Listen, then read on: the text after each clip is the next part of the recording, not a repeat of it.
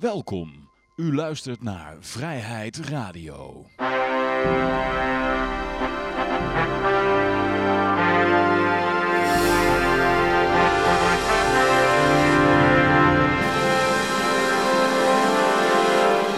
Ja, dames en heren, jongens en meisjes, dit is weer een nieuwe aflevering van Vrijheid Radio. Leuk dat u luistert. We zitten hier gezellig in Café Libertaria met op dit moment uh, Peter en Rick. En mijn naam is Johan. En uh, ja, voordat we eerst uh, verder gaan met goud, zilver, bitcoins en de staatsschuldmeter, nog even een paar officiële mededelingen. Namelijk, ja, eentje hadden we jullie al verteld, dat Firman Supreme volgende maand langskomt bij ons in Libertaria. Maar er is ook nu een nieuwe naam aan toegevoegd en dat is John McAfee. En daar zullen we ook een gesprek mee hebben. Dus uh, dat ook allemaal volgende maand. Ja, maar uh, wie terug van weg geweest is, is uh, Peter. Ja, Peter, vertel eens, waar ben je al die tijd geweest? Mijn vakantie, was een beetje in Zuid-Amerika geweest. Vanuit de libertarische oogpunt was wel leuk. Ik heb de Casey ontmoet. met andere libertariërs hebben we daar een middagje mee zitten praten. Ja, die, is, ja, die heeft natuurlijk goed geboerd. Hij, hij heeft allemaal, we zouden hem eerst willen, wilden we opzoeken in dat Salta, La Cafayette in Noord-Argentinië heeft hij zo'n project gestart voor ook voor allemaal libertariërs. En die kon je een stukje grond kopen en, en, en een huisje bouwen of zo. Maar het bleek dat hij in Uruguay zat. Mm -hmm. Ja, en die ranch heeft hij een aantal jaar geleden een keer gekocht daar. En dat, ja, dat is wel een heel mooi ding. Dan uh, heb je zo'n grote, zo'n grote toren als je binnenkomt. Je loopt over zo'n paadje heen met een fontein in het midden, bij zo'n toren. En daar zit dan een bel bovenin, echt zo'n klok.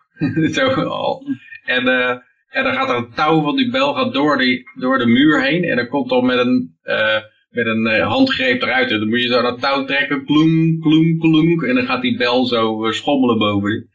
En het voelt echt heel, heel plat, plattelands aan, zo'n zo ranch. En nou ja, hij, heeft het mooi voor elkaar wel. en allemaal, ja, allemaal kunst binnen. Het zag er heel mooi uit. En ja, een beetje zitten praten over ja, een beetje libertarische voorspellingen en speculaties en uh, wat, uh, wat denk jij dat daarmee gaat gebeuren en een beetje, een beetje over wie wie is. Dus uh, ja, dat was wel heel leuk. En ja, wat ik ook nog wel interessant vond is in Chili, dat ja, daar zijn ze altijd de hele tijd aan het rellen. een beetje linkse, ja, linkse opstootjes, dus ja, veel studenten en je ziet ook veel op universiteit allemaal graffiti staan en ja, er staan, staan de goede woorden, er staan af en toe wel liever dat en uh, dat soort dingen. Maar ja, wat ze ermee bedoelen is meestal niet zo goed geloof ik. Ja. Maar wat je wel ziet is dat, ja, wat er gebeurt als dat zo'n heel land in opstand komt. Dus dat die hele banken, die zijn gewoon helemaal met staalplaten dichtgelajast en golfplaten om te voorkomen dat er eruit ingegooid wordt. Soms tot op de tweede verdieping. Daar is echt een behoorlijke straat. En we kwamen langs een stuk, nou, een heel standbeeld stond daar. Nou, er staan wel meer van die standbeelden, hebben ze potten verf overheen gegooid. Of, of uh, het hoofd van de president erin gestoken of zo, van, dat hij onthoofd was. Uh, maar ook een heleboel straatklinkers eruit gehaald. En uh, ja, ik neem aan dat het daar al flink mee gegooid is. Dus ja, er worden wel aardige veldslagen geleverd. Zo. Ik vraag me af hoe, hoe lang dat zo door kan gaan. Ik neem, niet, ik neem aan dat het niet uh, heel uh, Chili is, maar gewoon het uh, linkerdeel van de bevolking. Ja, maar het is wel niet alleen in Santiago. Het is ook als je naar, de, weet het, Vina del Mar gaat bijvoorbeeld, dat is een haven, havenstad, waar heb je natuurlijk veel havenmedewerkers. Ook wel, ja, en ja. veel mensen zeggen, ja, ja, het verschil tussen erg, arm en rijk is ook heel groot. Maar ik denk dat, het, ja, dat arm, arm nou uh, niet armer geworden is of zo. Er zijn alleen een aantal hele rijke mensen bijgekomen, wat dan misschien het, het probleem is. Dat er wat uh, jaloezie ontstaat of zo. Dat is wel vaak, hè, als je, dat je linkse mensen hebt die vinden inkomensverschillen niet zo fijn. Hoe goed ja. ze het zelf hebben doet er niet zoveel toe. Ja. Zelfs liggen ze op een luie reet en een kraak kwam met heroïne spuit in de, in de arm. En dan zie je ze in één keer dat iemand wel uh, goed geboerd heeft. En dan is het allemaal niet eerlijk. Hm. Ja.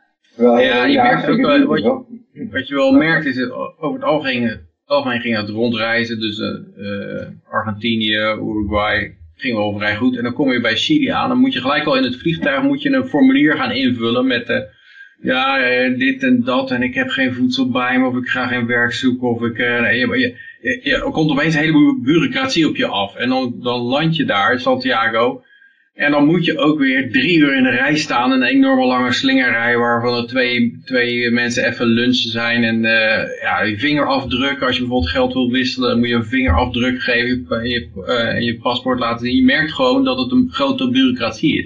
En ik had eigenlijk gedacht inderdaad, Chili dat is, dat is een heel, uh, of een, een, relatief vrij land. Maar ik heb het idee dat, dat, dat ze dat alweer achter zich hebben gelaten. En dat inmiddels op de welvaart die eruit voortgekomen is, gelijk een enorme bureaucratie uit de grond gestampt is weer. Nou, een paar jaar geleden hadden we Martse van de Leren bij ons in de uitzending. En die, uh, die was toen op rondreis door uh, Zuid-Amerika. Hij heeft toen ook een tijdje in Chili gezeten en deed dan uh, verslag daarvan bij ons in de uitzending. Maar die vertelde ook al dat op dat, toen de tijd waren de, sociali ja, de socialisten aan de macht.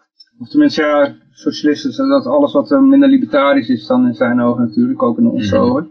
Maar, hij had over dat er ja, socialist aan de macht was. En uh, ja, dus die probeerde dan wel eens die, uh, wat Milton Friedman, uh, Friedman allemaal opgebouwd heeft, probeerde ze dan weer een beetje af te breken. Maar ja, dat, dat is vrij moeilijk om te doen, hè. Ja, maar ze, ze, ik denk dat ze heel langzamerhand toch gewoon steeds mensen aannemen in overheidsdienst en bureaucraten. Je zit gewoon heel, overal bureaucraten neer en die gaan nooit meer weg. En ja, dan, dan ga je het weer helemaal ja, langzamerhand en een hoop geld lenen natuurlijk. Dat werkt ook altijd heel goed.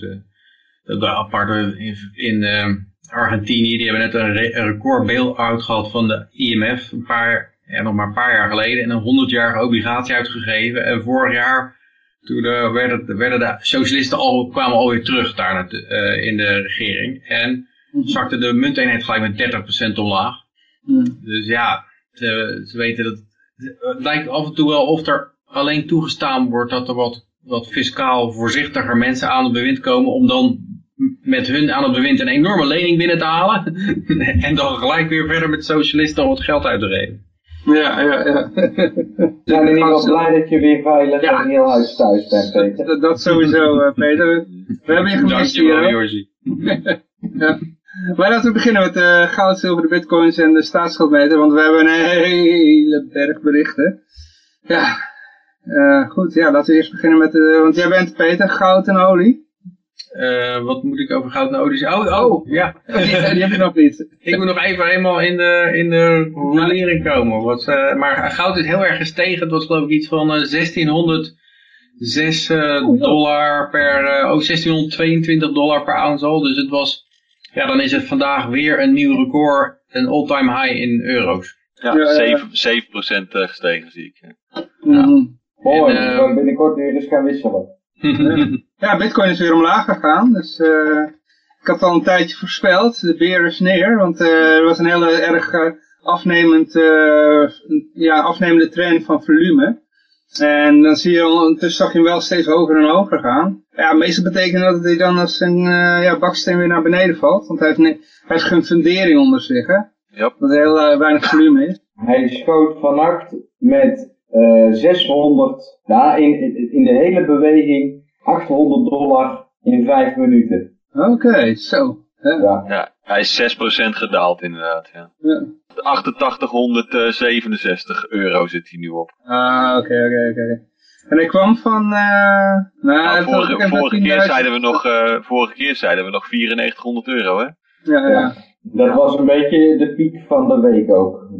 Vorige week. In de afgelopen week is die 6,58% gedaald en uh, Ethereum 4,77 zie Bitcoin, de Bitcoin Cash varianten en SV zelfs 22% in een week. Ja, ja, ja. Gaat hard. Ja, inkoopmomentje. Ja, ik denk dat hij nog wel lager gaat hoor, maar uh, er zijn allerlei uh, TA's die, hebben al, ja, die, die gaan er toch vanuit, want ja, hij was bij de Golden Cross zoals dat heet hè. En dan uh, meestal zeggen ze dan van, nou, dan gaat die keihard stijgen, maar dat hoeft niet. Als je naar de hele geschiedenis kijkt, zie je ook wel eens dat hier een Golden Cross had en gewoon daalde. Of, uh, ja. ja, ja. Wil je van mij nog een speculaatsverhaal over wat ik nou, uh, hoe dat ik denk dat ze het gaan aanpakken? Nou, ja, wel. Dus ik, ik denk dat er nog één keer een aanval komt op die hele bitcoin. En dat dat rond de blokhalving gaat. Want dat is een voorspelbaar moment waarin dat er toch een hoop gebeurt. En ja. op het moment dat die halving gaat plaatsvinden, voorzie ik dat ze proberen die prijs zo laag mogelijk te krijgen, zodat die blokken vasthangen eh, voor een aantal weken. Want dan krijgen ze en minder beloning en de prijs is lager. En dan ja, dan, dan zie ik het wel moeilijk worden voor een bitcoin die dan misschien uh, voor twee weken lang een, een, uur per blok doet of zo. Of uh, weet je wel. Maar wat bedoel, wat bedoel je dan? die aanval bestaat eruit dat een heleboel miners eruit worden gejaagd door, door met een lage prijs en een, en een blokhalving. Ja. Dan krijg je een hele, krijg je voordat difficulty is aangepast, krijg je een hele lange wachttijden of zo per blok. Precies, ja. En dan kun je dus in die periode gaan zeggen, kijk maar eens hoe, uh, hoe uh, slecht dat het systeem is, want iedereen betaalt nu hartstikke veel en, en, moet lang wachten. En wij hebben hier een Ripple en die doet alles instant en dat is bijna voor niks. Dus we kunnen veel beter met z'n allen Ripple gebruiken. Hmm. En, en, maar wie zijn ze dan in dat geval? Uh, nou, de mensen die crypto geld als een bedreiging zien en die op de een of andere manier controle willen houden, want die hebben nu dus de controle. En, en die gebruiken daarvoor in mijn verhaal een Ripple als een soort hedge op de cryptowereld. Um, en ja, die hebben de Ripple al een keer gepumpt met uh, honderdduizenden bitcoins. En die zitten dus gewoon het spelletje nou zo te spelen dat ze de mensen ervan willen overtuigen dat bitcoin waardeloos en nutteloos is. Want elke 10 minuten komen er nog steeds 12,5 bitcoin bij. Dus zelfs al zouden ze alle bitcoins willen kopen, dan kan dat nu nog niet. Ze houden die prijs zo laag mogelijk op dit moment om al die nieuwe bitcoins zo goedkoop mogelijk op te kunnen kopen. Daar gebruiken ze dus de media voor. Uh, behalve in het piekmoment op 20.000 dollar vertelt de media alleen maar negatieve dingen. Op het moment dat alles dus hoog staat, moet de massa hun spaargeld uit hun broek worden geklopt om die bitcoins weer op terug te dumpen. En dan kunnen ze met dat geld nu dus in deze periode van dat het laag staat, die bitcoins ja, goedkoper oppikken. Maar jij zegt dat ze nu dan aan het bitcoin sparen zijn? Ja. Om, om straks een dump te doen bij de halving of zo? Ja. En dat is niet alleen in bitcoins dat ze dat sparen. Maar ze hebben natuurlijk vanaf 2017 hebben ze uh, al die munten oplopen kopen. Dus ze hebben in enorm veel munten een, een heel groot belang gekregen. Ik schat bijvoorbeeld in een EFL dat die partij ongeveer 2 miljoen EFL's nu bezit. Uh, omdat die zich zijn gaan bemoeien met een EFL en daar een hoop munten in winst hebben gemaakt. Um, en die gebruiken dus bij een EFL dat om nu die prijs zo laag te zetten als dat die staat. Om de mensen maar nou ja, deels te kunnen overtuigen dat het allemaal slecht is, maar ook om die munt zelf goedkoop te kunnen oppikken. Nou ja, uiteindelijk als je een heleboel gaat kopen om het later te dumpen, dan drijf je de prijs op. En je drijft de prijs op. En als je het gaat dumpen, dan drijf je hem weer omlaag. Dus daar, daar schiet je op zich niks mee op, tenzij je eh, nieuws weet te creëren eromheen en je weet mensen mee te krijgen. Ja, nou, maar dat, dat gebeurt natuurlijk. Hè? Want op het moment dat die omhoog gaat, dan hebben ze dus even in die maand december 2017 zeggen ze tegen iedereen, nou moet je in die bitcoin. Dus dan verkopen ze met winst wat ze eerder hebben gekocht. En die winst gebruiken ze later weer om iedereen, bijvoorbeeld met een verhaaltje over Tether, wat ik al wel eens heb verteld. Of um, nou ja, met een hoop fut uh, die mensen er weer uit te jagen. Ja, zou kunnen. Ik weet het niet. En dan heb je met SUS, wie bedoel je eigenlijk met SUS? En dat, uh... Centrale bankiers die dus controle willen houden op de massa. En hoe doen ze dat dan? Ja. En je, ziet toch wel ze willen hun speeltje, hun eigen fiat speeltje natuurlijk niet kwijtraken. Nee, en, en je ziet dus nu, sinds die manipulatie is begonnen in april 2017, omdat toen op 1 april 2017 de centrale bank van Japan heeft aangegeven dat bitcoin geld is. En vanaf toen konden dus financiële instellingen legitiem hun geld in bitcoin bewegen. Je ziet sinds dat moment dat bijna alle koersen, en zeker van de top 20 of de top 100 van vandaag de dag, Vandaag staat alles in het rood. Morgen staat alles in het groen. Al die koersen zijn in de afgelopen twee jaar gehomoniseerd, of hoe zeg je dat? Dus die bewegen allemaal in dezelfde beweging op dezelfde dag.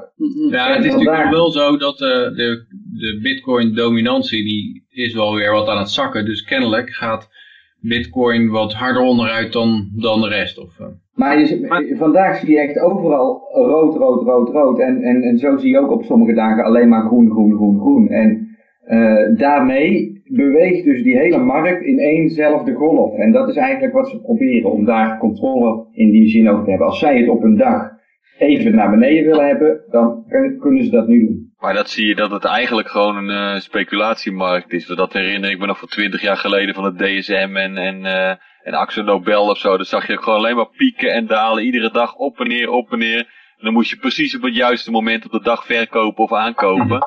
En dan had je geluk gehad. Weet je wel? Dit is, uh, voor de leek is dit niet goed voorspelbaar. Ik heb altijd wel een beetje gezegd dat bitcoin in mijn ogen voornamelijk speculeren is. Het is niet echt een investering, het betaalt geen dividend. Ja, het is leuk als, als er weer gevolgd wordt, dan heb je weer een nieuwe munt erbij, maar dat is niet waarom, dat is niet uh, vooraf de belofte natuurlijk. Dus net maar als bij ik alle hoor, dan, uh, ik hoor vandaag weer dat uh, China 5 biljoen yuan in de markt pompt om de gevolgen van de coronavirus tegen te gaan. Hm? hoe dat met gelddrukken gaat, dat is altijd de vraag, maar ze willen waarschijnlijk niet dat de koersen omlaag gaan. Ja, als je zulke hoeveelheden fiat geld erin jast, dan denk ik toch dat het heel moeilijk is om, om om te voorkomen dat crypto's en goud en al die dingen omhoog gaan. Maar al, al die dingen die wat meer eindig zijn. Dat, gaat, dat gaat dus ook wel gebeuren, maar ze proberen gewoon die tijd zo lang mogelijk te rekken. En daarom moeten ze dus, vergeet niet dat bitcoin van 10 cent afkomt. En we hebben dus al op de 20.000 gestaan. Maar als je iemand vraagt op straat in Nederland, wat heeft bitcoin gedaan? Dan is de kans groter dan 50% dat hij denkt dat het gedaald is. Want dat is elke keer hoe dat ze het weten te presenteren. En, en in, in de lange termijn, ja, zijn we hartstikke gestegen. Bitcoin staat op 8000 euro. Maar de, de, de klap van gisteren, er staat vandaag in de Volkskrant een artikel. Hm. Bitcoin zal altijd volatiel blijven, want het kan nooit wat worden, want dat zie je wel weer aan de dump van vannacht. Nou, en... ja, je, maar je zegt dat nu, wat zal de gemiddelde persoon op straat daarover zeggen? Maar ik denk dat als je de gemiddelde persoon op straat vraagt om de koers van de bitcoin, dat hij geen idee heeft hoeveel die waard is überhaupt. Dus de, voor heel veel mensen speelt het helemaal niet. Maar, want, want maar wel dat hij omlaag gaat. Ja, ze, weten dat hij omlaag gaat, ze weten dat criminelen het gebruiken en ze hebben niet... Dat je er weg, dat je er weg moet blijven. Dat je En, en ze, ze, ze weten niet dat het de enige manier is voor Wikileaks om, om fondsen binnen te halen. Ze weten niet dat er heel veel mensen in de wereld helemaal geen bankrekening hebben. Meer dan de helft van de mensen in de wereld. Dus ja, dat is het weten, weten wel natuurlijk dat die, uh, die, uh, die ventilatie overval heeft gepleegd met die bombrieven. Dat die bitcoins wilden hebben, dat onthouden ze wel. Ja. Dat weten ze. En dat wordt ook meerdere keren herhaald. En dat uh, Jocht Kelder bij een bitcoin advertentie zich opgelicht voelt. Terwijl dat die advertentie gaat helemaal niet over bitcoins. Want het was optiehandel in euro's. Waar ook een bitcoin werd aangeboden. Maar overal zijn het Bitcoin advertenties die Jort Kelder en uh, Peter de Vries en uh, hoe heet ze allemaal. Uh, Ali B werd er ook in gebruikt. Ja, ja, ja, ja. Ja, John de Mol, ja. Ja, dat staat dan als bitcoin advertentie. Ja, nou, we komen straks nog wel een paar keer uh, terug op de rol van centrale banken in, in de economie. Daar hebben we verschillende berichten over. Dat wordt nog een leuke uitzending. Ja, we hebben een berg berichten. Gaan we weer door. ja, we hebben echt een berg berichten. En we waren nog bezig met het blokje goud, zilver, bitcoins... Uh, uh, marijuana-index. Volgens mij gaat hij ook altijd naar beneden, die marijuana, toch? Ja, die ja. is ja. Ja, die is maar dat wat helemaal opgehyped is en, uh, ja, en inmiddels weer aan het downhypen. Nou ja, maar dat komt natuurlijk dat het uh, in heel veel staten in de Verenigde Staten nu gelegaliseerd is. Dus er valt weinig geld meer in te verdienen. Uh, maar zei de vorige keer, Peter, je moet in de psychedelica, in de paddenstoelenbusiness. Ja. ja. Ja, hij heeft een heel klein, uh, klein stijgertje doorgemaakt. Maar als je het scherm over het jaar vergelijkt, hè, dan is hij gewoon natuurlijk nog steeds van de 300 uh, naar de 100 gegaan. Hij dus, stuit uh, naar beneden, zeg maar. Ja, nou, het is gewoon een trendlijn, trendlijn en inmiddels is hij gewoon maar een derde waard van wat hij, wat hij een jaar geleden was. Ja. Maar Yoshi, uh, zit jij nou ook lang Ripple met, uh, wachten met, met jouw theorie op de enorme pump die gaat komen daar? Ik uh, zit in de Ripple, ja. Want ik heb heel veel centen met de Ripple verdiend. Hm. Ik heb met uh, ik heb de Ripple, ik, heb, ik ben zelfs in de, ik heb in het Algemeen Dagblad, heeft mijn naam gequote in een Ripple artikel ooit. Zo? Ja, dat ik er een in zat. Mhm. Maar ja, ik heb toch wel, ik, ik had vooral, jullie weten het ongeveer wel, maar ik heb in de, vanaf de vorige piek heb ik gewoon voornamelijk lopen verkopen en ik heb echt niet uh, hetzelfde als wat ik had. Dus het is wel afgenomen. Maar ik heb nog steeds, uh, hou ik ook een hoop rippels aan, ja. Ja, maar... Staatsschuldmeter wou je nog even doen of niet? Oh ja, staatsschuldmeter, ja. Nou, hij daalt met 350 euro per seconde. Dat weten we van 10, 15 jaar geleden nog wel. Dat hij alleen maar aan het stijgen was. En toen zaten we te wachten tot hij 500 miljard zou worden. En nu staat hij inmiddels op 391,5 miljard. Ah, oké. Ja, toppie. Ehm, goed, gaan we naar de, berichten toe. En uh, ja, begin, je, je had het er eigenlijk al over, hè, van, um, oh ja, de, bitcoin-dominantie neemt steeds meer af. Ja. Ja. Dus dat betekent dat de alt-season begint? Ja, vooral Ethereum is ergens tegen. Het begin, sinds het begin van het jaar al 120% uh, omhoog. Eigenlijk komt het na een periode dat de bitcoin-dominantie alleen maar toenam. Hè? Want het was de, de alts die, die altcoins die verdwenen helemaal. Want bitcoin-dominantie was op een gegeven moment 70%. En al de, de, de maximalisten die zeiden allemaal van ja, al die altcoins die moeten er al helemaal aangaan, want het wordt alleen maar bitcoin. Ja, nou is dat weer een, uh, een beetje een omgekeerde beweging bezig, maar 63% is nog steeds vrij hoog. Ja, dat betekent één partij heeft 63% en de rest zijn duizenden. nou ja, dan heb je e- Ethereum en dan ja, Bitcoin Cash en Ripple en uh, daarna duizenden andere.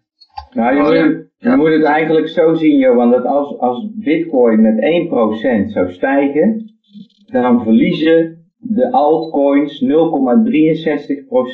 van hun Bitcoin waarde. Met een Bitcoin dominantie van 63. Uh, Snap je dat? Omdat ja, bitcoin dominant is in de waardebepaling, als die gaat stijgen, dan komt er een verkoopdruk op die altcoins. Dus hoe meer, als bitcoin ineens met 5% stijgt, en daardoor zakken die altcoins, omdat mensen gaan verkopen voor dollars bijvoorbeeld, dan is dus die uh, bitcoin dominantie, ja, het, het verschil tussen de stijging in bitcoin en de daling van de altcoin in bitcoin. Zo zie ik het altijd. Maar ik, weet ook niet of dat helemaal Het is een beetje maar veel mensen relateren alles aan bitcoin en die berekenen de prijs ook van alle altcoins in bitcoin. En, uh, want, ja, ja waarom, anders kan je net zo goed op bitcoin houden.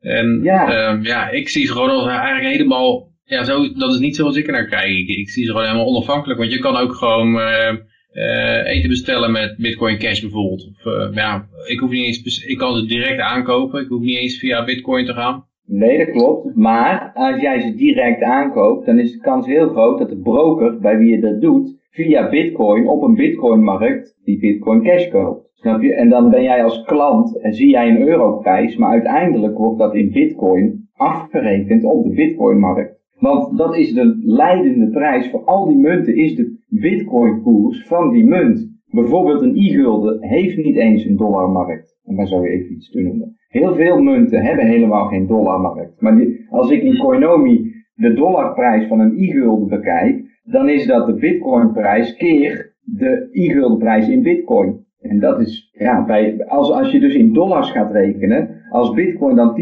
10% omhoog gaat en de bitcoinprijs verandert niet uh, van die munt, dan zeg je ja, ik ben met 10% omhoog gegaan. Nee, bitcoin is in dollars 10% omhoog gegaan en jouw munt is gelijk gebleven in bitcoin en daarom ben je in dollars omhoog gegaan, maar op de wereldmarkt is die munt 0% gestegen.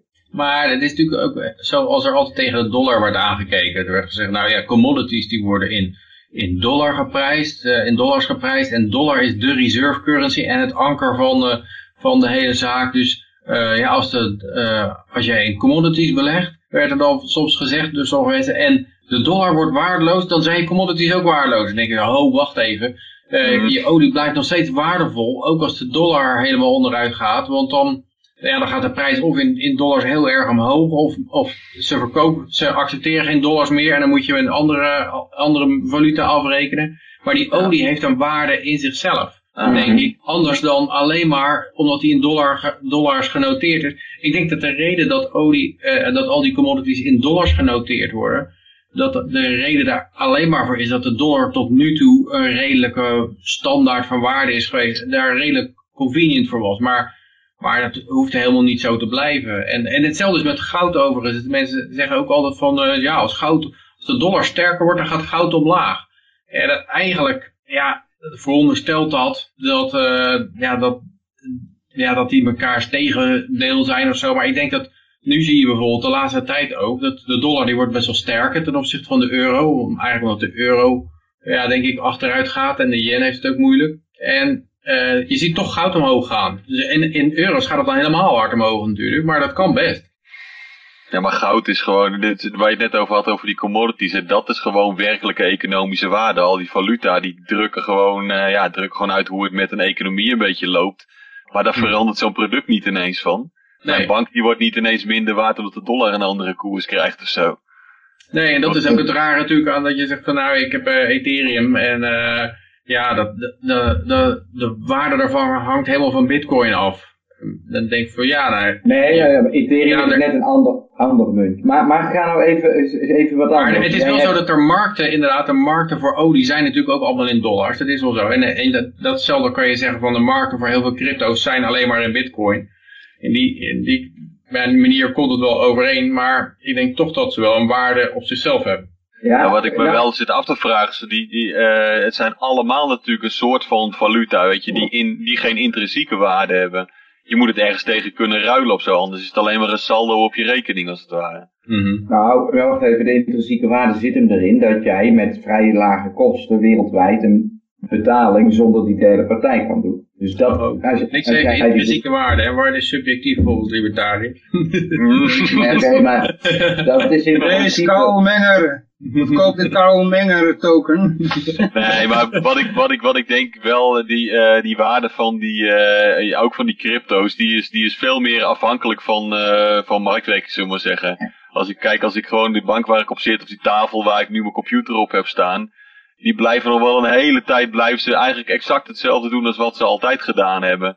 Maar die markten voor crypto zijn veel volatieler, weet je. En in die zin denk ik, ja, dit heeft dat veel, als je dan toch al over uh, intrinsieke waarde praat, heeft dat minder intrinsieke waarde. Het is allemaal relatief, maar, maar uh, ja. Ik wil het even anders vragen. Stel nou dat jij een bedrijf in Europa hebt, uh, in, in, en jouw bank, of jouw balans is dus in euro's. En jij neemt een positie in een Amerikaans aandeel wat in dollars genoteerd staat en de dollar versterkt ten opzichte van de euro. En jij verkoopt jouw aandelen op dezelfde koers als dat je ze gekocht hebt. Alleen doordat die dollar gestegen is, krijg je er meer euro's voor terug. Krijg je meer, heeft dan jouw aandeel winst gemaakt of heeft dan die dollar winst gemaakt? En dat is een beetje wat ik elke keer met dat punt probeer duidelijk te maken. Nou ja, nee, in mijn beleving is dit gewoon echt valutaspeculatie. Gewoon. Dat heeft met intrinsieke waarde helemaal niks te maken. Nee, maar los daarvan, waar komt, waar, komt die, waar komt die winst vandaan? Is dat een stijging uit die munt of is dat een stijging omdat de, de munt... Nou ja, je kan zeggen, als dat bedrijf,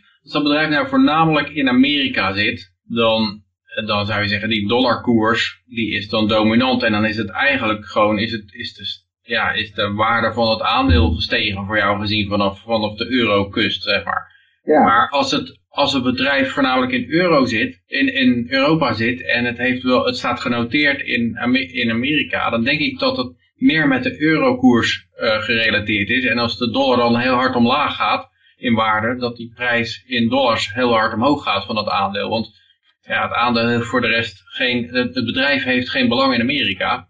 Dus ja, als die munt omlaag gaat, ze doen al, als ze alles in euro's doet, dan zal dat aandeel heel erg hard omhoog gaan, denk ik. Want waarom zou ik met de dollar meegaan? Nee, maar dit is, wacht even, wacht even. Want nu, nu haal ik twee dingen door elkaar. Want dit bedrijf waar ik het over had, dat zijn niet hun eigen aandelen, maar zij participeren in een ander bedrijf. Dus zij, zij hebben alleen in hun balans alleen euro's staan, want zij rekenen in euro's.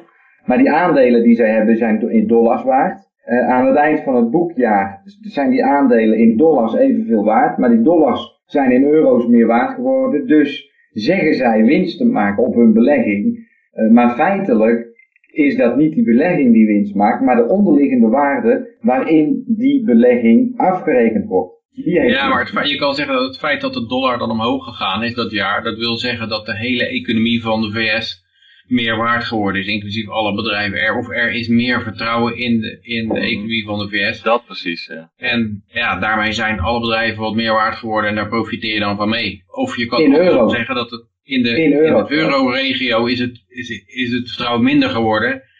En uh, ja, dan zit je goed met wat uh, bedrijf, Amerikaanse bedrijven. Ja, maar dan, dan kun je dus zeggen, ja, ik heb winst gemaakt, maar eigenlijk is dat een is dat niet, ja, in mijn optiek is dat niet juist verwoord. Maar goed, ik, ik kan er heel lang over blijven praten. Uh, er zijn nou, je kan zeggen, ik kan, wat, betekent dat, ik heb winst gemaakt, dan kan je zeggen, ja, ik kan van het geld meer zaken kopen in Euroland. Uh, maar, je, maar het kan best zijn dat je niet meer zaken kan kopen in Amerika, om, omdat de prijzen in Amerika ook gestegen zijn. Ja, precies. En daarom is het dus niet per se, die, is het niet per se winst. Als jij uh, winst maakt doordat de onderliggende waarde van waar jij in investeert stijgt, heb jij niet per se een winstgevende investering gedaan. Dan heb je alleen doordat jij gediversificeerd hebt naar een ander waarderingsmiddel. En dat waarderingsmiddel doet het goed. Uh, daardoor heb je winst gemaakt, maar niet zozeer... Ja, maar en dat kan natuurlijk nog steeds veel gekker, hè? want dat, dat, is maar net hoe je winst definieert. Daar moet je eigenlijk een definitie voor geven. Maar ik heb wel eens gehoord dat in Brazilië op een gegeven moment was de geldontwaarding zo, zo hoog, dat als jij een auto kocht van je geld, uh, uh, dan kon je hem na een jaar voor, als tweedehands auto voor meer geld verkopen dan die, dan die nieuw kostte.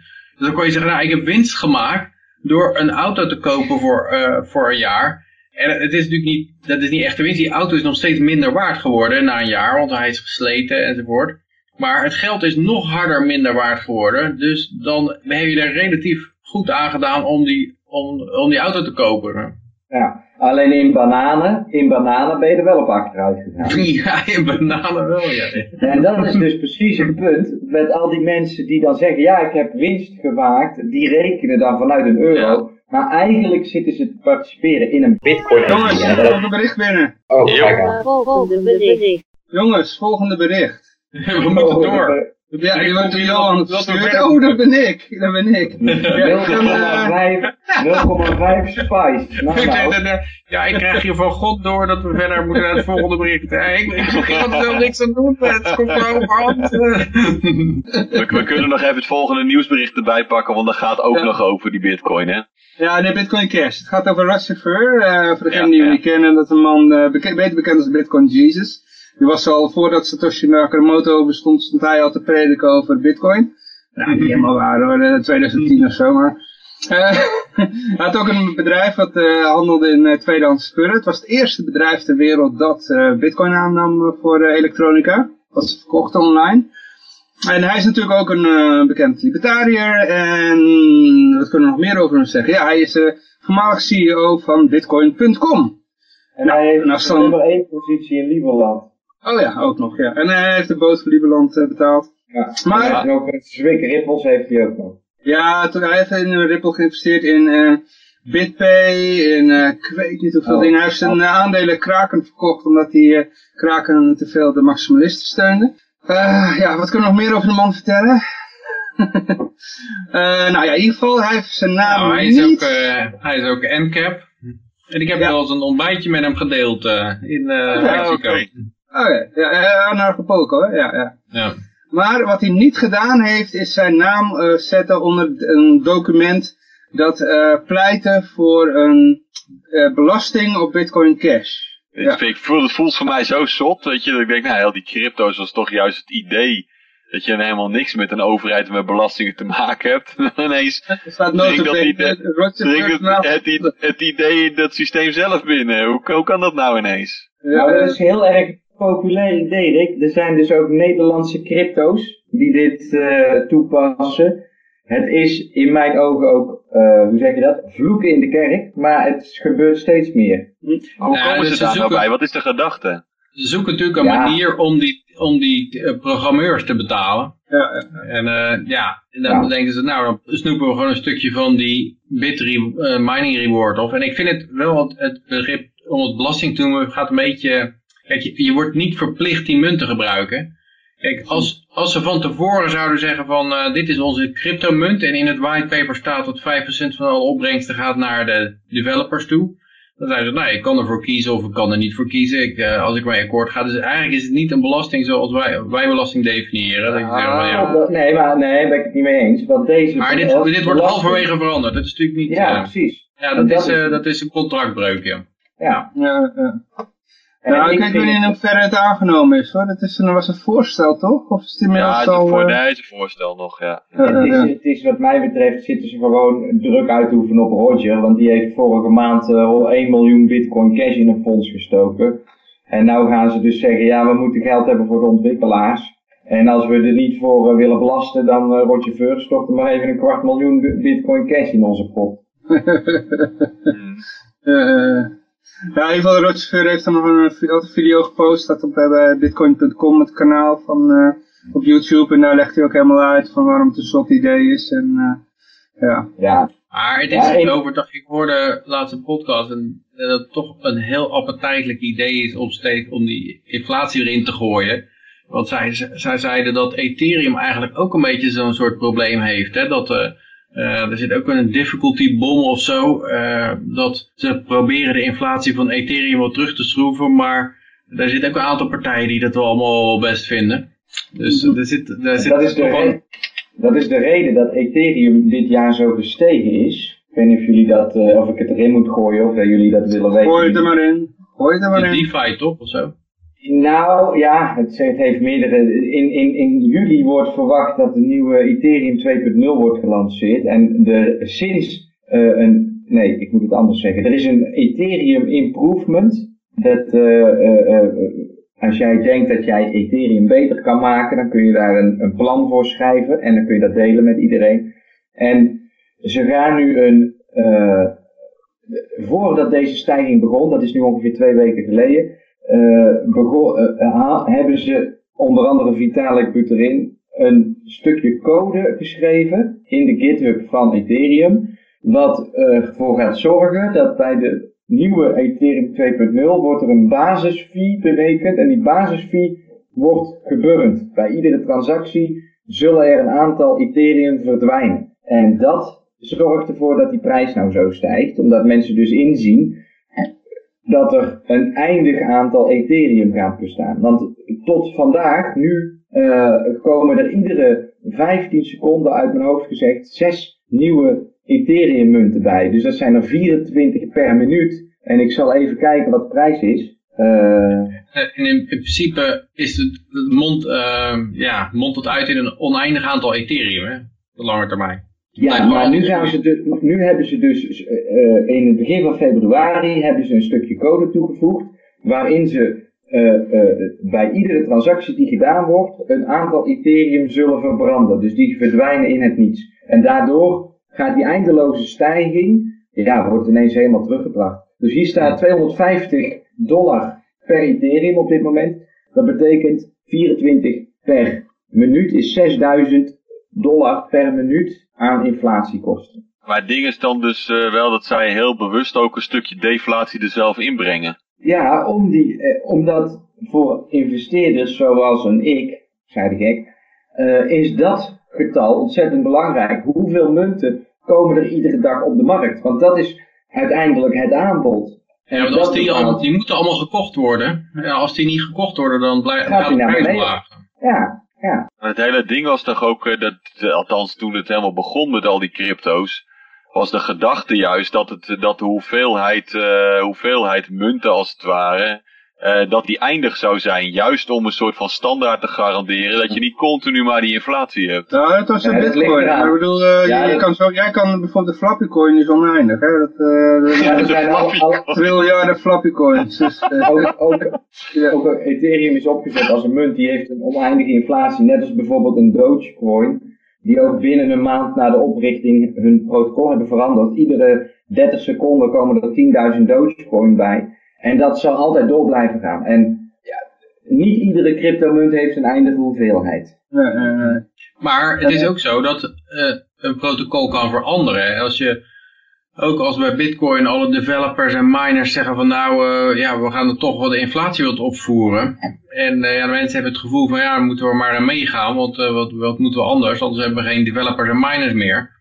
Dan gaat de inflatie ook omhoog. Dus die governance is nog best wel belangrijk voor die munten. Da- dat is waarom ik Dash wel leuk vind. ja, Dash precies. hebben ja. een beetje een, een, een protocol hoe, je, hoe, ze wijzigingen, hoe ze met wijzigingen omgaan. Ja, ja. Je wilt het democratiseren. En, eh, Nou, hebben die masternodes geloof ik. En die masternodes, die, daar moet je een hoop in investeren. En dus, dan, dan zit er een hoop geld van je in. En, en dan mag je mee beslissen over wat er gebeurt. Dus dan ja, het lijkt me niet waarschijnlijk dat je het dan helemaal naar de malle moer helpt. Een soort, soort aandeelhouders, zeg maar. Ja. ja. ik hoorde ja, Amanda Billy Rock, of tenminste eh, Amanda B. Johnson heet ze tegenwoordig. Die is eh, tegenwoordig een van de eh spokespersons, zeg maar, van eh, woordvoerders van, eh, of gezichten van eh, Dash. Dat was altijd al. Nou, nee, nee. Ik heb haar nog bij, mij- bij ons, in een van de eerste uitzendingen, volgens mij de tweede uitzending, was ze bij ons eh, te gast. Toen was ze nog gewoon een Bitcoin girl eh, nummer zoveel. Ja, maar toen ik bij Anna Fulco zag, toen was ze al een, eh een Ja, eh, dame. Maar ze is er een tijdje uitgestapt en nou is ze weer terug geloof ik. Ja, ja, ja, ja. En die had laatst inderdaad een mooi filmpje waarin ze dan ook helemaal uitlegde van, eh, ja, je kon het zien als eh, vroeger dat je in een goede oude tijd dat je je geld naar de bank bracht, dat je dan eh, rente kreeg op je spaargeld.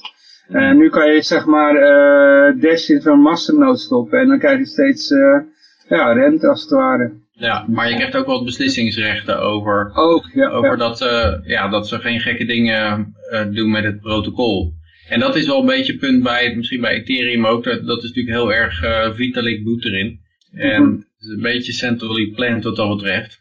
En ja, bij Bitcoin is het, een- is het een beetje de, de, de vechtgebied tussen allerlei verschillende personen. En die vorken hem eraf en dan, ik ben het er niet mee eens en ik begin weer een, een nieuwe vork. Dus ja, ja. Nou wil ik het Dash-verhaal niet kapot praten, maar het is wel, eh, in het begin van Dash zijn er in één week door één partij 6 een heleboel... triljoen. Nou ja, er zat een soort eh, fout in de difficulty adjustment, ja. waardoor dat er iemand een, een- heleboel geïnsta-mind heeft. Nou goed, maakt verder allemaal niet zo heel veel uit, maar er wordt nog steeds geschat dat heel veel van die masternodes allemaal bij één partij zitten. Maar goed. Mhm. Hm. ja. Maar er zijn ook weer er video's die dat weer eh, eh, ja, ontkracht hoor. Dus, Ja, al- en zolang die mensen maar een, goede mindset hebben waar jij mee akkoord kan gaan, is er niks Ja, aan. ja, ja. Maar eh, we hebben nog een, eh, nog, ja, hoe- hoeveel berichten hadden we in totaal? ja, zo geteld, hè? Ik krijg weer een bericht boven, van boven door dat we naar het volgende bericht moeten. 627, maar we, we Oh. zitten nu bij de Koreaanse eh, crypto. Ja, ja, ja, ja, want die, eh, die is ook aan het minen, eh, Noord-Korea. De enige internet, ja, de enige persoon in eh, Noord-Korea die porno kan kijken. Wie is dat? Raad eens. Kim, Je kunt op hem stemmen. in Noord-Korea. Hij is de enige persoon op wie je kunt stemmen. ja, Ik dat heb ook altijd niet, niet op hem stemmen. Ja, ja. Je moet erop om... stemmen. Ja, je moet, ja. Ja goed, ja, dit is drie rij weer daar op zijn slaapkamertje zitten minen met zijn Ah. oude Dell eh, desktop. ja, Maar wat, wat, doet hij, wat doet hij eigenlijk dan? En, en eh, wat voor invloed heeft dat? En waarom vindt hij het interessant? Ja, sancties ontwijken denk ik, hè. Dat die... Ja, Monero is een privacy munt waarbij je met ring CT eh, extra eh, anonimiteit eh, verwerft. In de blockchain van Monero is dus niet terug te vinden hoeveel Monero precies van adres naar adres gaat. Dat weten alleen de mensen die in het blok zitten, om het maar even zo uit te drukken. Ehm, ik zelf vind Monero een van de betere privacy munten. Ook die heb ik weer wat meer dan gemiddeld. Eh, maar dat zou voor Noord-Korea, die natuurlijk eh, ja, op allerlei manieren eh, eh, eh, ge- gesanctied wordt, hoe zeg je dat goed? Eh, eh, ja, voor hun kan er zo'n Monero-munt uitermate geschikt zijn om eh, dat soort sancties te ontwijken. Dus dat is ook de reden dat ik hem gepost heb, dit bericht. Van, vanwege dat, Ja. eh, die insteek. Ja, en Ik er had was laatst een, er ja? was een ontwikkelaar die was, die was eh, gearresteerd nadat hij naar Noord-Korea uit, eh, gegaan was om uit te leggen hoe je, hoe je sancties kon ontwijken. Toen kon hij terug in Amerika, toen werd hij gelijk de gevangenis ingegooid. Dat is iemand van Ethereum, toch? Van, eh, Ja, was bij Ethereum een developer ook, geloof ik. ja. Ze hadden me van tevoren gezegd, als je daar naartoe gaat, dan pakken we je op als je terugkomt, maar hij was toch gegaan. ja, ja, ja. Ja, Dapper. ja. Ik had Ja. eh, laatst nog een hele interessante podcast eh, gevolgd over iemand die, die wist heel veel en eh, ja, die vertelde erover en hij, zei, hij had het, eh, zei ook van je moet binnenkort, wat mensen vaak doen is, hebben het over eh, de grote jongens uit de inv- het, eh, investmentwereld die langs de zijlijn staan te wachten tot het ooit wat wordt met crypto en dan springen ze erin. Maar hij zei, wat, wat, wat ze vaak vergeten zijn overheden. Eh, want die hebben er ook heel veel belang bij. En mensen denken alleen maar aan eh, het Westen, maar eh, de wereld is groter dan het Westen. En er zijn heel veel landen die lijden onder sancties, onder boycotten. En voor hun is crypto ideaal. Voor hun is heel eh, ja, logisch dat ze een mandje met eh, crypto hebben om eh, toch te kunnen handelen. Want vroeger, en dat is het mooie aan, aan crypto, vroeger had je zo van, laten we even naar de middeleeuwen gaan, had je een aantal kastelen en Pietje was hertog daar en die had ruzie met iemand die tussen zijn beste handelspartners zat. En die blokkeerde elke keer de wegen. Hmm. Maar nu dankzij crypto kun je dat allemaal omzeilen. Snap je? Ja, en eh, niet alleen eh, eh, landjes die onder sanctie zitten, maar het tegenwoordig natuurlijk ook heel veel als je kijkt wat er nou weer met die Nord Stream 2 pipeline gebeurt. Dus dat is een pipeline van Rusland naar, naar Duitsland. En die was bijna klaar. En ik geloof dat de Amerikanen, las ik laatst, er toch weer bijna zeker van zijn dat ze nou zoveel druk hebben gezet op uh, alle, alle bedrijven die eraan deelnemen. Dat uh, van ja, als, je, als jij met je kind naar Disney World komt, dan, dan ga je gelijk de gevangenis in. Dat ze dat toch stil hebben gelegd. En ik denk dat het, veel van het bewijs daarvan gaat via bankrekeningen en betalingen en zo. En dat zou, ja. dat zou je eventueel ja, ook, als het, als het alleen maar erger wordt en, en er worden steeds meer bedrijven mes op de keel gezet, dan zullen ze, zou het me niet verbazen als ze met dit soort dingen gaan, uh, gaan lopen marchanderen om, om uh, toch te kunnen, opdrachten te kunnen uit te voeren. Ja, ja, en het voordeel van een Monero ten opzichte van een bitcoin is dus dat het niet traceerbaar is. Want anders dan doe je één transactie met een geheime agent en dan weten ze alsnog waar je cent op staat. Ja, en dat niet alleen. Ze kunnen bijvoorbeeld zeggen, dan kijken ze waar uh, het geld bij, uh, weet ik veel, in dit geval ging het om Allseas, die leggen van die pijpleidingen. En dan kijken ze, doen ze een beetje chain analysis en dan kunnen ze nog zien wie die lui betalen, zeg maar. Ik denk dat in heel veel gevallen dat ook, dat zowel de betaler als de ontvanger onbekend willen blijven eigenlijk. Omdat, uh, ja, in het ergste geval heeft alleen het bedrijf een probleem die een pijplijn aanlegt. In het, maar nog erger geval is eigenlijk als, als degene regering die hem anoniem loopt te betalen en alles ontkent officieel, als die, als die ook een, uh, een uh, probleem heeft door chain analysis, door, uh, dan ja, dat is natuurlijk helemaal vervelend. Dus moet maar wat is, wat is binnen zo'n netwerk eigenlijk het voordeel van dat je elkaar wel kent? Want ik zou zeggen, gooi er een hele zware encryptie tussen en niemand komt er ooit achter. Nee, maar die transacties staan in die blockchain, dus je kan gewoon zien van, ja. van dit adres naar dat adres ge, gebetaald. En dat nou, is bij, bij... Maar bij Monero dus kennelijk niet. Nee, nee. nee. Het is wat, uh, volgens mij slomer toch, Yoshi? Of uh, Monero je kan niet de capaciteit een stuk lager of zo? Nee, ook niet. De Monero capaciteit is, uh, is hoe zeg je dat? De, beweegt mee met, met de drukte. Hmm.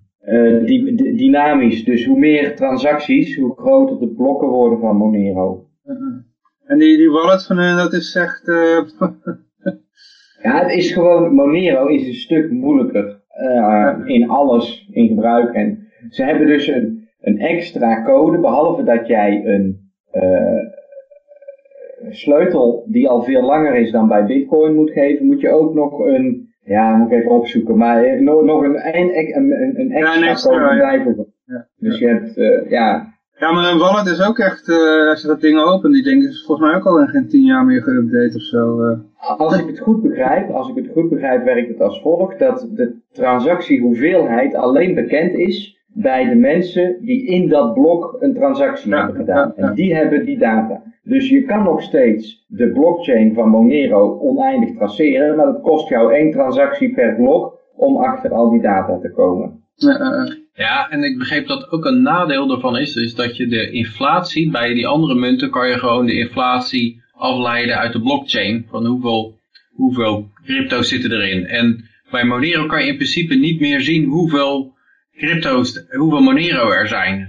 Ja. Ook als er ergens een inflatiebug in zit en iemand kan net zoals bij Dash zeg maar zo'n instamine doen of zo, een heleboel Monero.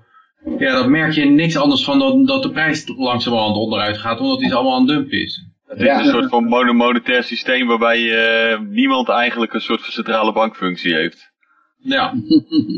ja, dat, ja, is toch dat is toch prachtig? Ja. De, code, de code is wel openbaar inzichtelijk natuurlijk, maar je kan, als daar een fout in zit en iemand exploit het of iemand buit dat uit, dan heb je dat niet zo makkelijk in de gaten als met bitcoin. Uh, uh, maar goed, over privacy gesproken hebben we nog een berichtje over uh, de mixers, uh, scramblers, noem maar op. Uh, dat je, ja, laat, laat het even uitleggen, of wil jij het even uitleggen, Josje? Jij zal vast wel nee, gebruik van gemaakt hebben. Ja, ik wil het ook wel uitleggen. Het is, een, het is een mooie brug, Johan, dus het is makkelijk ja, om uit te leggen. Want als je dus wil voorkomen dat mensen heel eenvoudig kunnen herleiden waar jouw geld vandaan komt en waar het naartoe gaat, kun je gebruik maken van een bitcoin mixer. En dat werkt eigenlijk als volgt. Een bitcoin mixer is een programma en jij zegt, ik wil zoveel betalen aan dit bedrag. En dan uh, moet je dat bedrag in die bitcoin mixer stoppen, daar naartoe sturen. Die bitcoin mixer wacht vervolgens op transacties van andere personen. Dus je bent afhankelijk van andere mensen die ook een input leveren. Uh, en die mixer mixt vervolgens eerst die bedragen met elkaar voordat hij de betalingen doet. En daardoor is de directe contact is weg. Want er zit dan één transactie extra tussen, of twee, of drie.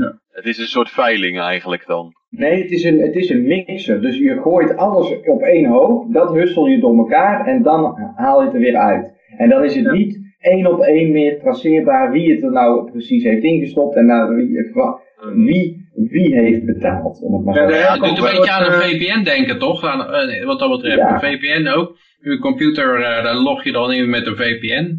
En aan de, aan de achterkant zitten er allerlei, eh, worden er allerlei websites bezocht en e-mailtjes verstuurd en zo. Maar je kan niet zien bij wel- welke output bij welke input hoort. Ja, zo'n een soort onion router idee inderdaad. Er zijn dus mensen die dat aanbieden en eh, ja, die zijn een beetje in de problemen gekomen, daar gaat dit bericht over. Ja. Zo, justitie in de VS die zit er een beetje achter die, eh, die mixers en ook achter de mensen die dat geprogrammeerd hebben, daar zitten ze achteraan. Ja, het wordt langzamerhand wordt het natuurlijk steeds, eh, ja, zeg je dat, steeds normaler, en steeds, steeds burgerlijker als het ware. Dus eh, overheden die Mm. snappen dan ook hoe het werkt en die gaan dan ook gewoon hun traditionele middelen inzetten om daar dan ook weer in Ja. in te grijpen. Ehm, ik moet wel even erbij zetten, de, de reden, want ik heb het ook via an- eh, andere nieuwsberichten hierover gelezen.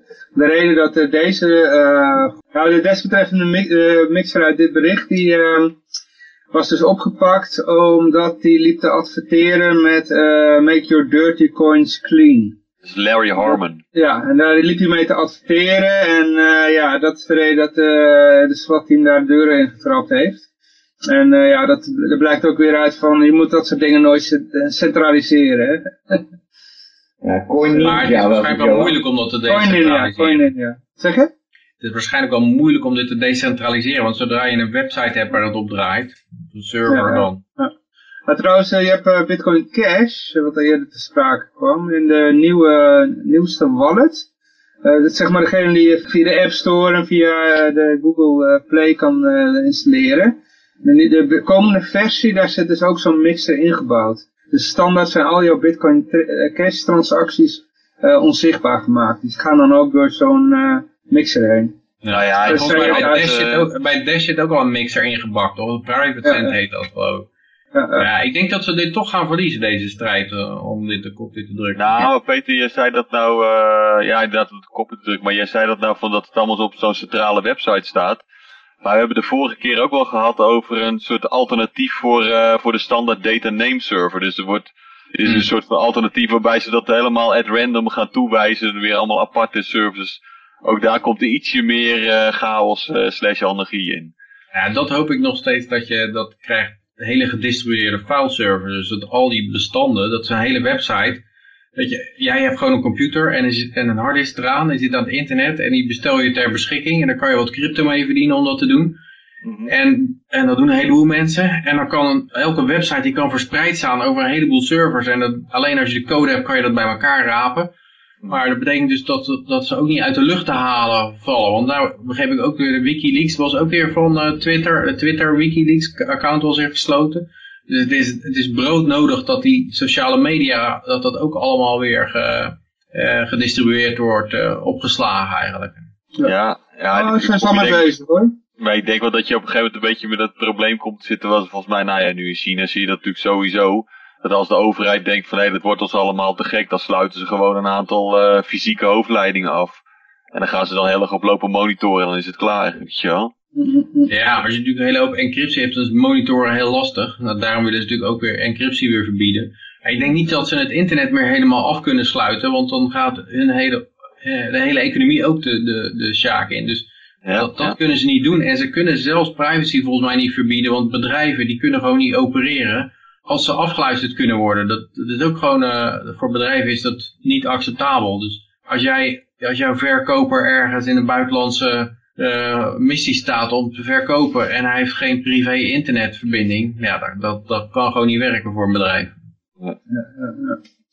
Maar we gaan even naar de, de bewoonde wereld toe. Ehm, of tenminste weg uit de, de virtuele wereld. We gaan even naar de centrale bank. Hè? De centrale bank van Suriname blijkt weer een gewone centrale bank te zijn.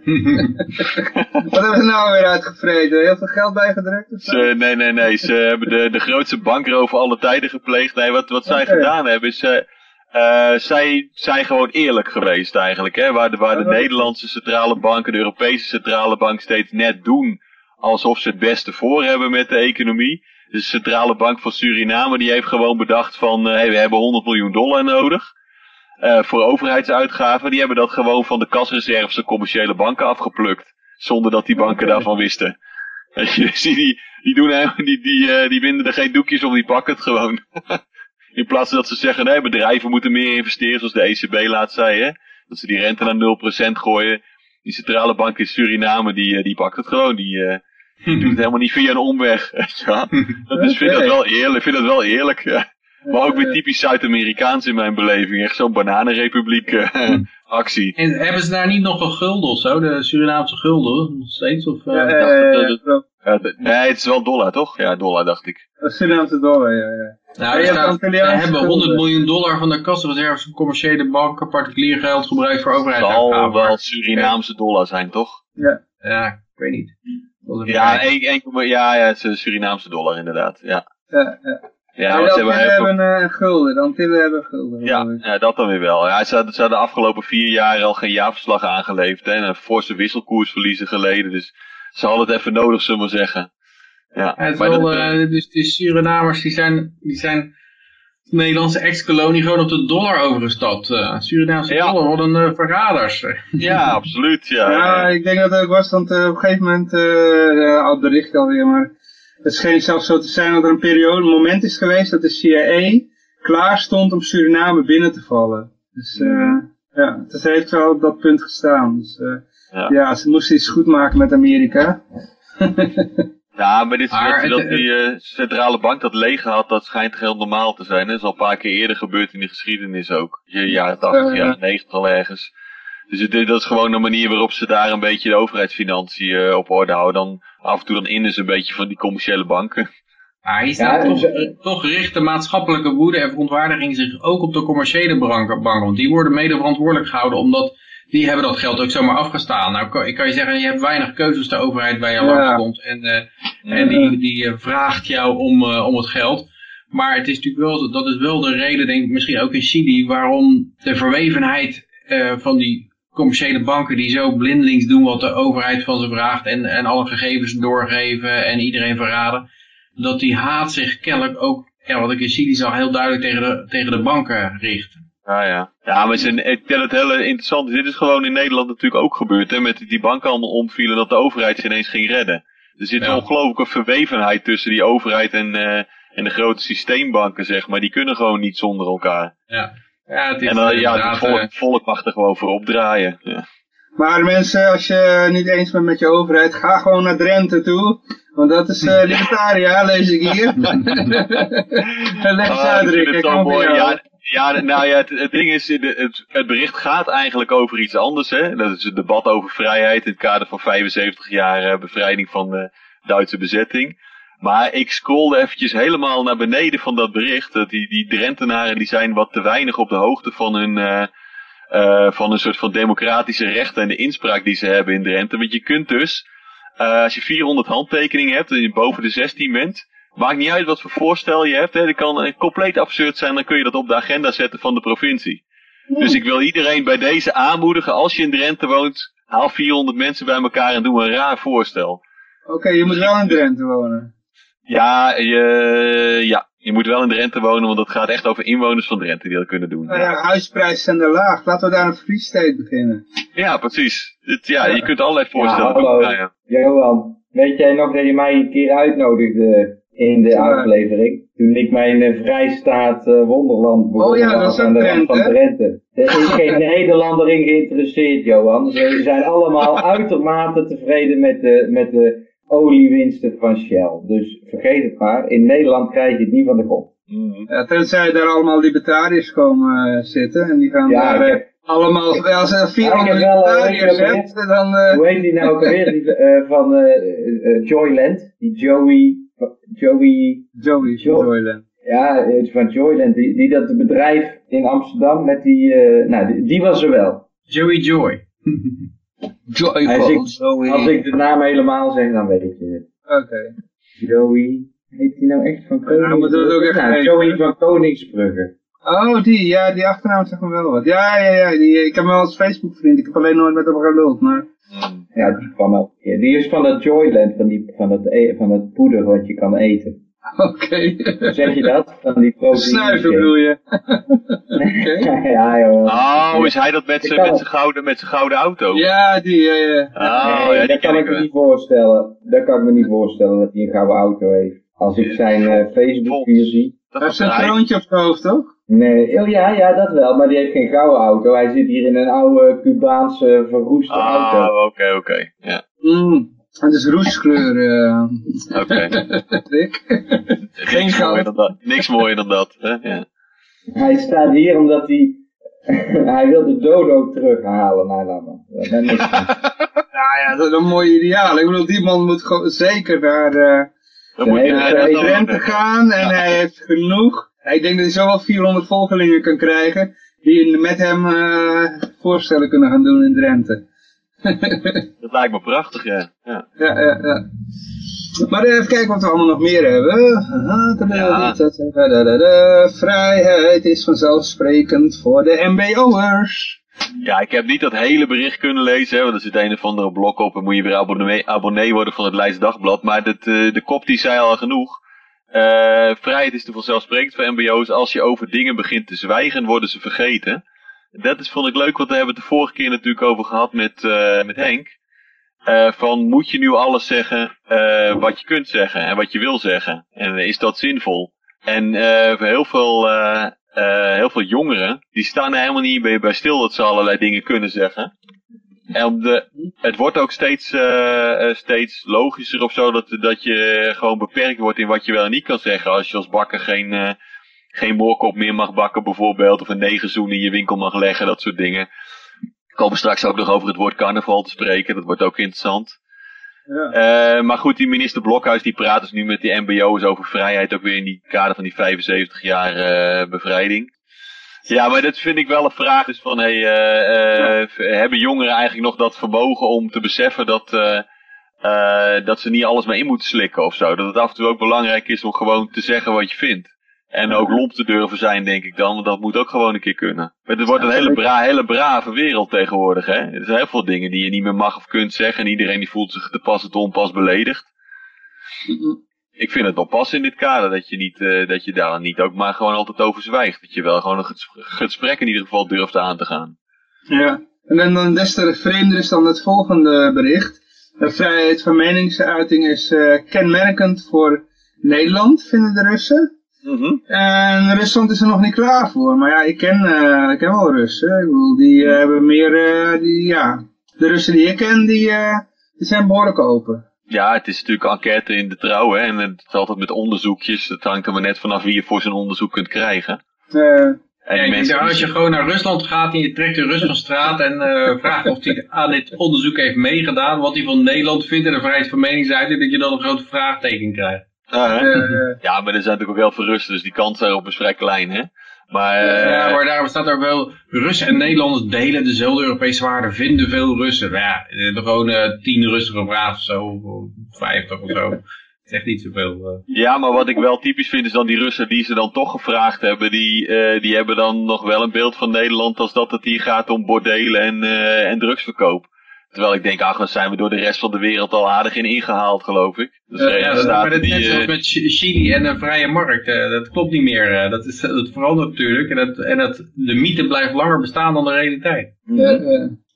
Maar dat vind ik wel opvallend, dus dat blijft daar dan ook hangen. En, maar dat is wel vervolgens ook weer, die beeldvorming is bepalend voor eh, hoe zij met Nederland omgaan. Want er zaten een paar handelaren tussen, weet je, en die hebben dan in de praktijk wel de ervaring dat die handel met Nederland heel erg goed is. Dus die hebben wel dat directe contact, maar die mensen die het gewoon van een afstandje bekijken, eh, ja, die hebben nog steeds een beetje zo'n beeld van een jaar of 10, 15 geleden of zo, toen het nog allemaal helemaal anders was.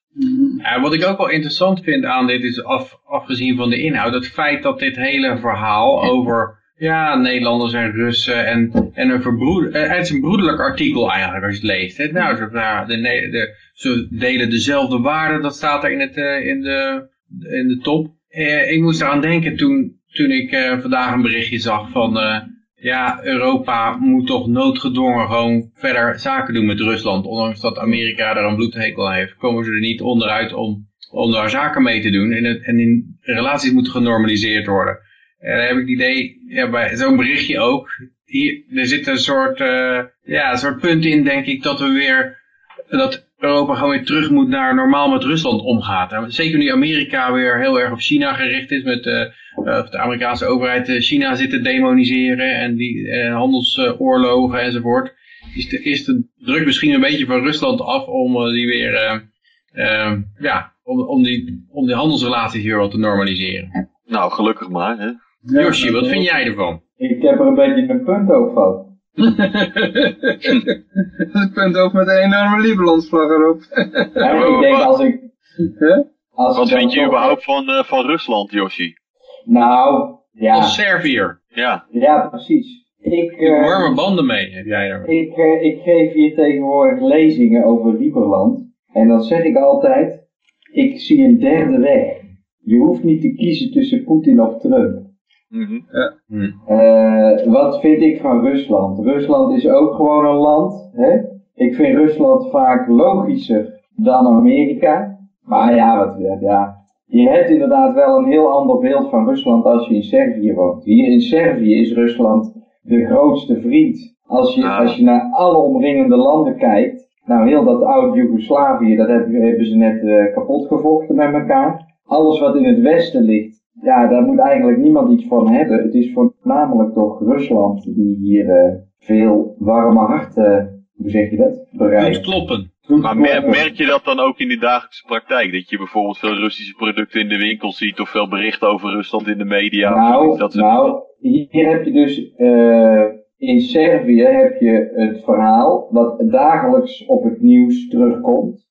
Um, is Kosovo. Ik weet niet in hoeverre jullie allemaal op de hoogte zijn van Kosovo. Uh, Rusland accepteert Kosovo niet als onafhankelijk land. Samen met bijvoorbeeld een Spanje, wat dat niet kan doen, omdat ze dan een probleem hebben met, hoe heet dat ook alweer, Catalonië. Oh ja.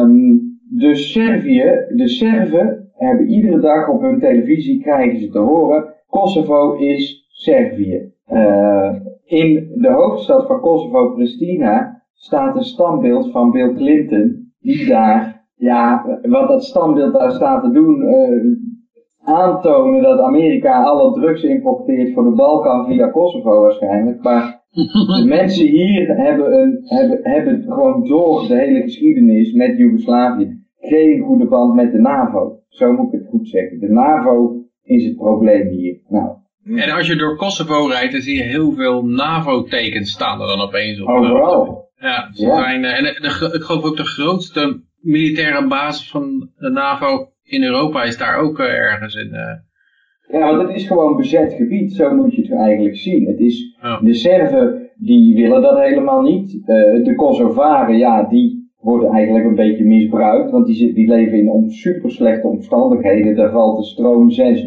uur per dag gewoon weg. En, en allemaal dat soort dingen. Um, ja. Maar ik vind Kosovo, het, ja, ik ben daar geweest vanuit Macedonië.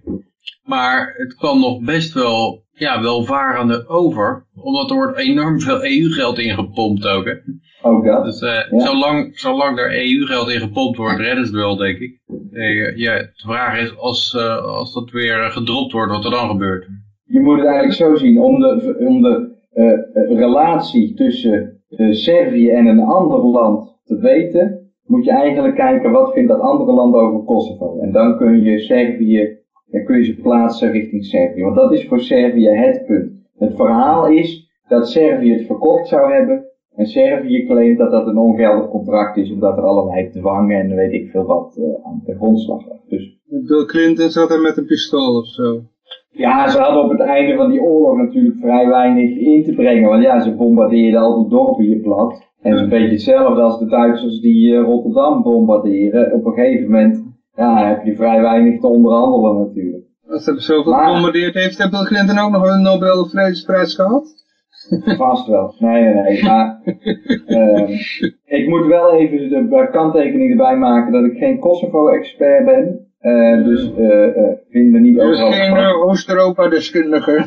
Nee, ik heb, ik heb eh, kennis van Lieberland en dat is al lastig genoeg. Eh, eh, eh. Eh, hier komt de heer Akkerman. Ik zal even mijn kennis, ik ben er onlangs nog geweest in Kosovo. Maar even in, eh, vertellen wat ik ervan vind. in het kort, kijk, dat hele Lieberland-project is ook een beetje een uitwas daarvan. Servië vindt dat fantastisch, want daarmee zitten ze weer een beetje terug te, ja, breken, hoe, als je, hoe je het wil noemen. Richting EU en Ja, Kroatië. Ja, de EU verplicht Servië eigenlijk om te spreken over die border, eh, over, over die grensdisputen. En dat doen ze dus ook. En ja, het, het belangrijkste onderwerp in dit hele gesprek is Kosovo. En als dat ooit wordt opgelost, dan is er ook voor Liberland duidelijkheid. Maar ik denk niet dat dat binnen vijf jaar gaat zijn. Maar ja, als, toen ik er doorheen rijd, leek het me wel een beetje een onhoudbare situatie. Want je zit met heel veel militairen. Als je bij zo'n klooster, oud klooster komt, dan zit daar ook eh, allemaal eh, wachttorens met schijnwerpers omheen om, om Ja. de zaak een beetje beschermd te houden. Anders dan wordt het kennelijk opgeblazen. Ik weet niet wie, wie daar nou precies de vijand van is.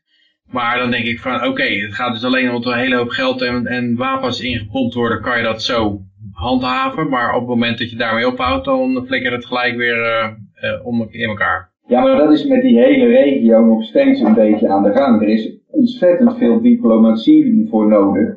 Als je, de, de, de- als je voelt, je voelt dat gewoon hier, dat die mensen, ja, de grapjes die men over elkaar maakt, zijn een stuk harder dan dat wij over Duitsers een grapje maken, weet je wel.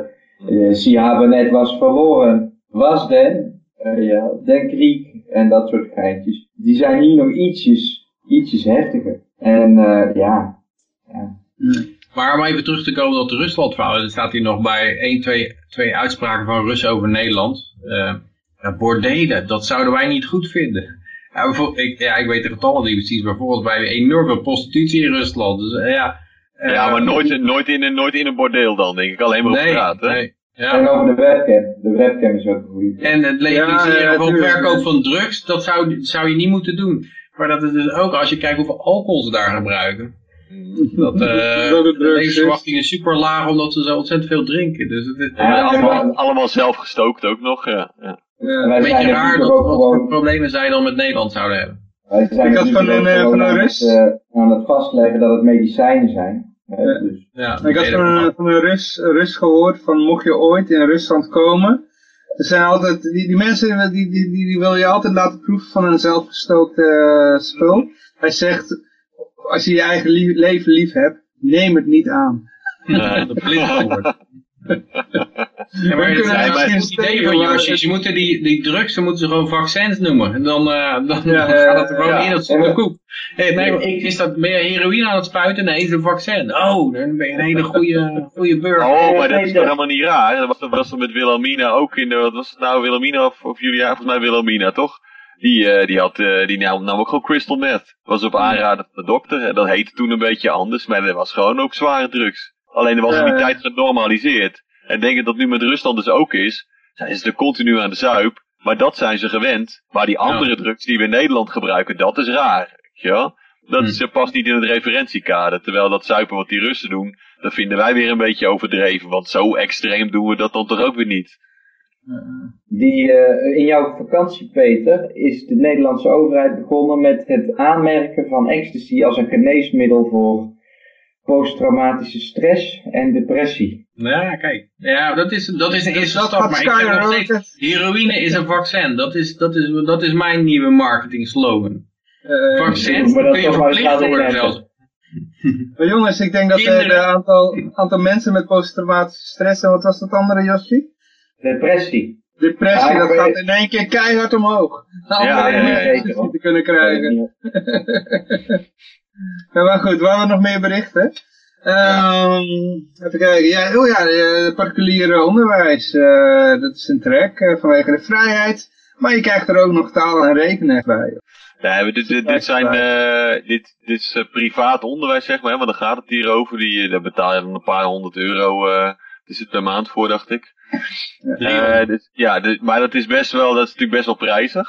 Maar die ouders hebben het dan vaak ook voor over. Dat zijn zogenaamde B3-scholen, zoals we dat noemen. Hè. Democratische scholen vallen bijvoorbeeld ook onder. eh Waaronder een Sudbury onderwijs, waar, waar in ieder geval één school van staat in Harderwijk. Uh, en dat mag in Nederland ook gewoon, die B3-scholen, maar die krijgen geen subsidie van de overheid. Dus dan moeten ouders daar zelf aan meebetalen.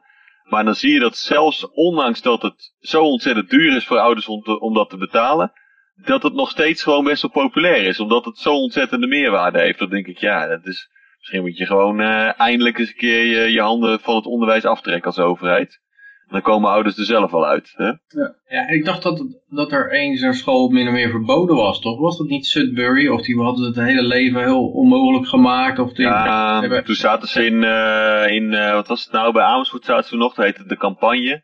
En die zijn inmiddels, uh, hebben ze dan een Sudbury School gestart in, in Harderwijk. En dat loopt nu op zich best goed. Alleen je moet er heel erg veel wet en regelgeving voor doen. Ik weet dat zelf, ik ben daar ook wel bij betrokken. Als docent maatschappijlid sta ik officieel daar op de lijst. Nou ja, is tot nu toe waren mijn diensten nog niet nodig. Maar dat moet ook echt. Je moet echt geregistreerde docenten daar dan hebben die ook eh, de bevoegdheid daarvoor hebben om les te mogen geven. Anders mag je als, uh, als school niet bestaan. Ik vond het wel apart, die, die, die zogenaamde liberale VVD'ers, die waren juist eigenlijk ten strijde getrokken tegen dit soort dingen. Kan me nog herinneren. Ja, ja maar hij, die, die, uh, die zat zelf op, uh, volgens mij staatssecretaris van Onderwijs in ieder geval die heeft er juist wel voor gezorgd dat dit soort B3-scholen uh, mogelijk werd. Alleen dan krijgen ze natuurlijk geen subsidie. Weet je, dus die heeft het zo, zo wel langzamerhand wel toegestaan. Of ook op zich best een positieve ontwikkeling. Dan gaat het natuurlijk veel ja, te Ja, maar met heel veel moeite, toch? Ja, dat, ja, maar dat komt ook wel doordat er in de Tweede Kamer nogal scheef tegen wordt aangekeken van die mensen die natuurlijk maar gewend zijn dat het allemaal op een hele gereguleerde manier gaat. Eh, waar, waarbij kinderen allemaal dingen leren die ze later helemaal niet nodig hebben. En dat is natuurlijk het mooie aan dit soort uh, B3-scholen. Die zijn vaak gefocust op, op uh, vaardigheden die die leerlingen juist in de, in de praktijk heel snel kunnen gebruiken. Uh, dus dat is best wel handig. Laatst nog dat er in Amerika een uh, lerares ontslagen was omdat ze tegen de leerlingen gezegd had dat er veel propaganda op de school werd verkondigd. Dus, wat eigenlijk een hele mooie bewijs is daarvan. Maar ja, ik vind het, het is een mooi verhaal dat het inderdaad dat is een beetje positief dat, uh, dat het inderdaad toch nog in Nederland wel mogelijk is om buiten, ja niet helemaal buiten, het, buiten de staat om, want je wordt nog steeds heel erg, uh, de onderwijsinspecteur komt nog steeds kijken of jij wel de juiste dingen vertelt. Ja, hmm. klopt. Maar ja, misschien iets, iets beter. Nou, wat ik wel weet is dat ze daar ook aparte inspecteurs voor hebben, hè, die dit soort onderwijs ook redelijk goed snappen. Dus die staan er niet per se gelijk afwijzend tegenover. Maar het is natuurlijk nog steeds een soort kwaliteitseis vanuit de overheid. En ja, dat is wel aan regels gebonden. Weet je, het is ook zo als zij bepaalde examens willen halen. Uh, dan moeten die nog steeds aan alle exameneisen voldoen zoals die ook voor andere reguliere scholen gelden. Dus dat verandert helemaal niet. Maar wat, wat ik weet van het Sudbury onderwijs is dat die leerlingen daar, uh, ja, die kijken zelf dat soort eindexameneisen door. En dan denk ik zo, wat moet ik ervoor doen om dit voor elkaar te krijgen? En dan gaan ze zelf een eigen plan maken in plaats van dat het allemaal voorgekoud is. Hmm. En als zij denken van nou, hier heb ik op dit moment geen zin in, dan beginnen ze eerst met een ander vak bijvoorbeeld. Dus het gaat veel meer uit van intrinsieke motivatie. En ik denk dat dat een hele slimme zet is. Want dat is in, uh, in het didactiekland zeg maar wel heel erg bekend. En dat wordt ook wel breed onderwezen op leraaropleidingen. Dat intrinsieke motivatie echt essentieel is als je wilt dat kennis op de lange termijn blijft hangen. Dat het niet alleen maar leren voor een toets is. Dus wat dat betreft zit een hele positieve insteek. En ik ben blij dat het, uh, ondanks de gebrekkige financiering nog steeds zo populair is bij ouders. Ja, mooi.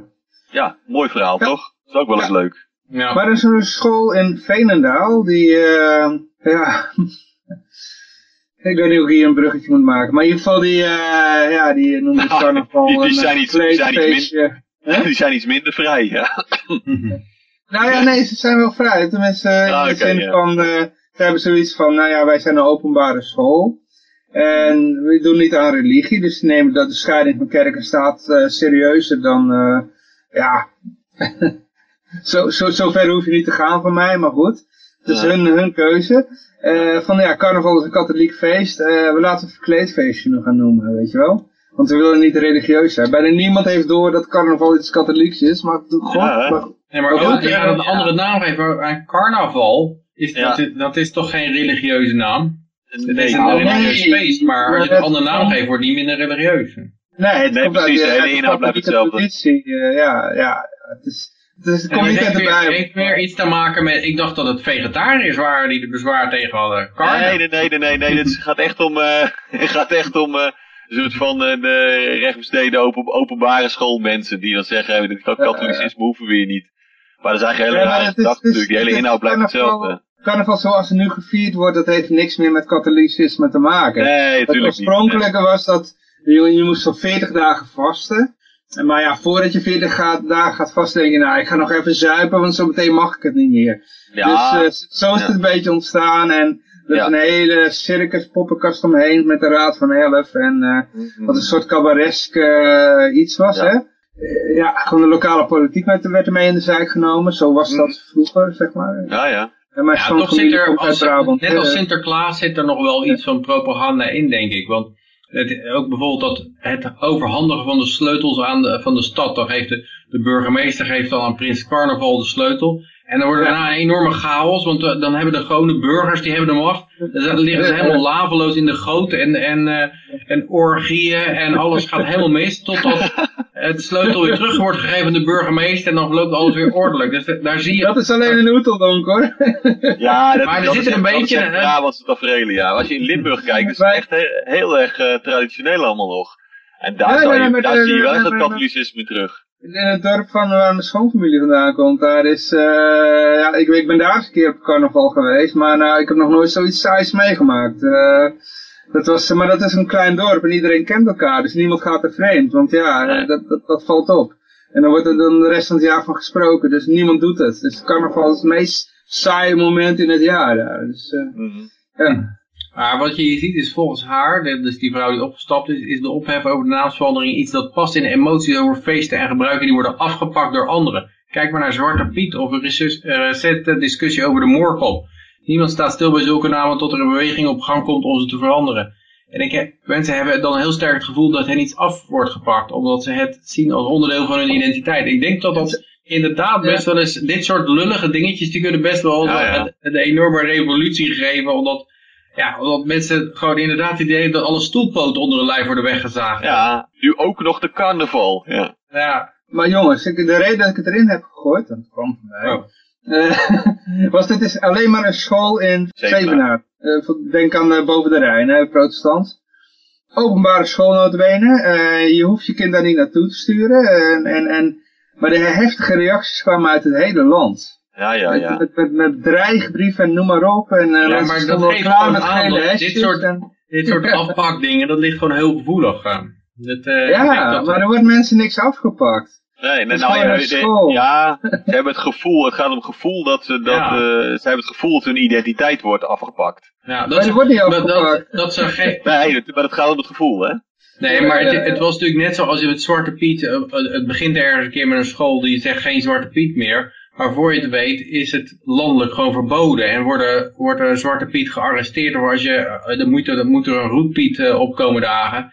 Ik, ik weet wel, ik kan me invoelen hoe dat soort mensen denken dat, dat dit is schooltje in Zevenaar en eh, je hoeft je kinderen niet naartoe te sturen. Ik kan ze een andere school sturen, ja. Eh, je bent drie jaar verder en... eh, en de hele toko, hele zaak is verboden. En ik heb niks met carnaval hoor. Ik, ik, ik heb een beetje hekel aan carnaval, maar... eh Ben je van mijn denken- schoonfamilie geweest? Volgens mij ben jij er niet bij geweest, Peter, maar we hadden het een tijdje terug over de rode roeptoeter, dat die zo verzuurd was. En die klinkt ook een beetje zo verzuurd. Ja, want ik heb eigenlijk niks met carnaval. Nee, maar ik, ik bedoel aan te geven... Ik begrijp die campagne mensen die hun carnavalsfeest eh, voelen dat dat onder hun poten wordt weggezaagd. Ondanks het feit dat ik helemaal niks mee heb. Zeg maar, ik, ik kom... Eh, ik, ik eh, zeg maar, het boeit mij niet, maar ik zal wel vechten voor hun recht om carnaval te mogen vieren. Zeg maar. En ja, ik vond het altijd vervelend als ik in de kroeg zat en er kwamen van die maloten binnen die met helemaal verkleed waren en zo. En, ja, dan zat je gewoon eh, rustig te drinken en te praten en dan... eh, dan maar nee, ik ging op een gegeven moment naar een café toe waar dat soort figuren geweigerd werden. Dus dan kon je gewoon in het café zitten. Waar, eh, ja, en dat vond ik wel mooi voor wel privé-eigendom. Waar niet, en net zoiets als vrijgezellenfeestjes, zeg maar, van die, van die, eh, die, die maloten die dan eh, als strijkplank verkleed eh, binnenkomen of zo. Daar, daar, ja, daar, daar, zit ik, daar zit ik niet op te wachten hoor. Peter, ben je nog bij die campagne van LP Utrecht geweest? dat Rick Nee. als supergrover eh, ging en... nog Ik heb Eike, die politieagent. Ja, ik heb laatst trouwens gecheckt, hè, want ik dacht, nou, ik ga weer eens even eh, eh, dat filmpje terugkijken dat we op RTV Utrecht waren. Dat ik in mijn supergrove pak in de uitzending was. Maar dat filmpje is gewist. Dat Ah, is nergens, nergens meer terug te vinden. Van die, die van de provinciale staten daarna wel, heb ik 25 seconden in beeld. Maar die van supergrove niet, terwijl ik dat juist een geniaal moment vond. Dat ik eigenlijk even moeten opslaan ergens. Ja, ja, ja. Ze waren gewoon bang dat dat eh, populair zou worden. Dus dat is wel meteen Ja, denk Ze ik wilden er niet meer aan terugdenken. Ja, ja, ja. ja. Eh, Moet je even uit- uitleggen aan de luisteraars die van niks weten? Waarom we supergrove gedaan hadden? Nou, dat wij als eh, LP Utrecht... eh, Ja, dat was in twee- 2014 gemeenteraadsverkiezingen. En wij wilden in ieder geval, was het de basis het idee om, om gewoon de aandacht te trekken natuurlijk. Nou, ja, hoe doe je dat? Dan ga je een beetje verkleed. Maar ik heb daar in die uitzending van RTV Utrecht ook wel uitgelegd. eh, dat heel die shows daar, heel die, heel die debatten, die waren al van tevoren geprogrammeerd. Al die mensen die er zouden komen te zitten, waren van de zittende partijen. Ja, als je die mensen daar neerzet, natuurlijk gaan, eh, gaan de kijkers dan alleen maar letten op hun verhaal. De enige inhoudelijke informatie die ze krijgen is over de zittende partijen. Dus ik heb toen ook gezegd, dit is gewoon één grote poppenkast, dus dan kan ik net zo goed als supergrove verkleed komen. En ik als Ja, dat is- nog steeds niet veranderd hoor. Het is Nee. nog steeds zo dat er heel selectief mee wordt omgesprongen, want dat is het grote verhaal. En Waarschijnlijk is er nu een regel bijgekomen dat je niet meer verkleed mag gaan. nou, mis- misschien inderdaad. Maar de, de, de hele gedachte dat verkiezingen eh, in, in beginsel een, een open strijd zijn, die, die klopt gewoon natuurlijk van geen kant. Hè. En ik denk, als je daar een beetje over nadenkt, dan weet je dat soort dingen wel. Eh, maar het grondwettelijke recht wat je hebt om jezelf kandidaat te stellen, dat stelt eigenlijk in de praktijk bijzonder weinig voor als, eh, als, het door de, als de media echt heel sterk als een poortwachter gaat fungeren en, eh, en je bij voorbaat al, al afrangeert als het ware. Dus, je hebt dan gewoon geen kans. En zeker niet als je een hele nieuwe partij bent zonder zetels, dan mag je ook nog eens allemaal ondersteuningsverklaringen gaan verzamelen. Dus zo open en democratisch is dat stelsel niet. Ja. Maar de grote vraag is, wie is de baas in de moskee? Ja, Ja, parlement... eh, wij hebben het daar eerder over gehad, hè, eh, vorige week. Toen was het al zo van, hé, er mag geen buitenlandse financiering meer komen naar die moskeeën. En eh, nu is de overheid echt definitief van start gegaan met, met een kameronderzoek. En met een eh, heuse, heuse Tweede Kamercommissie die ongewenste buitenlandse beïnvloeding van moskeeën onderzoekt. Ik stel, stel me zo voor, als ik die titel zo zie, ik bedoel dan... Ik, ik woon hier in een wijk met veel moslims, dus ik weet wel een beetje hoe ze zijn. Dan komt Ja. de controleur de moskee, moskee binnen, zo van, eh, wie is hier de baas? En ja, dan kijken ze allemaal zo'n beetje elkaar aan en dan eh, loopt er iemand weg en even later eh, komt er een stokdove oude man, hier is de baas van de moskee. Je hebt Ja, ook gehad, ja, hè? Is ja, een aardige ja. man. ja, ja, is ja. alleen een beetje doof. en kan geen Ja. Nederlands. Nee, maar, maar ik heb dat de vorige keer volgens mij ook al gezegd. Dat, ging toen om de financiering, maar dit gaat dan om, mogen ze eigenlijk van alles en nog wat zeggen in zo'n moskee. Ik denk, ja, zolang daar geen fysiek geweld aan verbonden is, Ja. lijkt me er nog weinig, eh, weinig eh, strafbaars aan. Maar er wordt Ja. toch een rechtszaak over begonnen. Hè? Ik vraag me echt af of dat nou, eh, of dat nou een beetje gerechtvaardigd is. Ja, maar er was ook zoiets van dat, ehm, dat er radicalisering was in moskeeën. Dus dan heb je een groepje mensen, komt daar binnen en dat gaat dan eh, de boel radicaliseren. Ik bedoel, Ja, ver, Eh, verbaal. Verbaal, hè? Eh, ja, Peter, je had die theorie van, eh hoe heet het nou ook weer? Dat werd met een kernreactor vergeleken. Eh, dus eh, separative cooling of group belief. Oh, ja. Ja. Eh, Je hebt inderdaad uh, Bose-Einstein condensaat heb je dan, dat het aantal atomen bij elkaar hebt en die trillen allemaal een beetje, dat geeft de temperatuur. En als je nou de wildste atoom die er het hardst beweegt, als je die met een laser eruit schiet, dan wordt het ietsje koeler de rest. Maar, eh, en, dat, en, eh, en op een gegeven moment implodeert dat dan. Eh, en dat is met groepen ook het geval. Als je, je hebt een groep en het is een beetje cultisch en eh, eh, ja, neem zo de Ayn Rand verhaal of zo. En er is één iemand die heeft een beetje afwijkende meningen van de rest. Die wordt dan eh, eh, snel verstoten uit, dit, uit de groep. Wat er dan overblijft is nog coherenter en dan op een gegeven moment implodeert dat. Dan, dan is elk klein verschilletje is eigenlijk te, te groot om, om toe te staan in- binnen de groep. Ja, of Maar ja, uh, Liberties in Nederland, die Facebookgroep. op een gegeven moment werd overgenomen door Trumpetariërs. En Ah. iedereen die Trump niet als eh, heer en meester zag, die eh, werd eruit gekikt. Welke Ik weet niet. Ja, je hebt in Facebook, eh, ja, zo'n Ja. Facebookgroep. Hm. Nee, maar ik, ik twijfel ook niet dat dat werkt, zeg maar, als je die, uh, als je die onrustige elementen er als het ware uit gaat filteren. Uh, en ik zit veel meer met de vraag van, is het nou eigenlijk een rechtvaardige zaak om dat te doen? Want er zijn overal wel een beetje verontrustende elementen en je kunt er van alles van vinden. Zeker als je ver van de islam afstaat. Uh, dan kun je daar helemaal niet thuis bij voelen. Net zoals wij bijvoorbeeld uh, met de Russen ons niet altijd misschien helemaal thuis voelen of zo. Maar er is, is in dit geval is gewoon een rechtszaak over begonnen. En de overheid heeft daar een, een enquêtecommissie op gezet. Dus ik denk, uh, ja, er wordt allemaal belastinggeld aan besteed. Er worden mensen onder druk gezet en in een rechtszaak gesleept. Die allemaal dingen zeggen. Weet je, en ja, volgens mij mag je in Nederland nog steeds dingen zeggen. Mm -hmm. Ja, je kan het ook omdraaien. Ik bedoel, misschien is de, de, kijk, de overheid is eigenlijk ook een cult, de, de etatisten. Mm. En die proberen eigenlijk alles wat, niet, uh, wat maar een beetje kritiek op de staat heeft. En dat zijn uh, moslims of radicale moslims ook. Die hebben ook uh, kritiek op de staat en Jehovah's ook en zo. Die herkennen het niet eens. Ja, dat moet er allemaal uitgekikt en gezuiverd worden. Dus ja, eigenlijk is die de hele cooling of group relief heb je eigenlijk bij, bij de hele sta de staat eigenlijk, hè, de etatisten. Mm -hmm. Ja, je hoeft maar een beetje kritiek op de staat te hebben en uh, ja, je wordt er al uitgekikt. Ja, dus, maar het is toch lastig als je een Nederlands paspoort hebt, hè? Ja, ja dan word je met de uitkering weggeserveerd. Ja, dat, maar dat is feitelijk zo dat de belastingbetaler dan gaat betalen voor je. Ja, maar dat vinden we niet erg hoor. Ze drukken wel weer wat bij om de uitkering uh, betalers, uh, sorry, uitkeringtrekkers te betalen. Ja. Nou, maar het is een beetje dat, uh, dat meningen de neiging hebben om te, om te versmallen. Zeg maar. Dat, dat uh, ja, dan de, is even een conflict en dan gaan er twee, die kunnen niet door één deur heen en dan wop, dan, dan, dan condenseert het zich rond één, één kern. En ja, het is een nieuwe verzuiling. In, in Nederland is natuurlijk al heel oud. In Nederland had je altijd al de verzuiling met de katholieke scholen en de protestantse scholen en de openbare scholen. En, en ook omroepen allemaal verzuild. En ja, dat is eigenlijk nog veel fijnmaziger geworden nu met uh, sociale media. Ja, ja nou, we zullen zien waar dit naartoe gaat leiden. Even kijken, we gaan uh, naar het volgende bericht. Uh, gemor binnen de coalitie. Uh, ja. Het zal weer eens niet, hè? Ja. Waar morgen ze over? Uh, dit, dit, gaat over een quotum, weet je. Voor, het is natuurlijk al de hele tijd uh, positieve discriminatie gehad.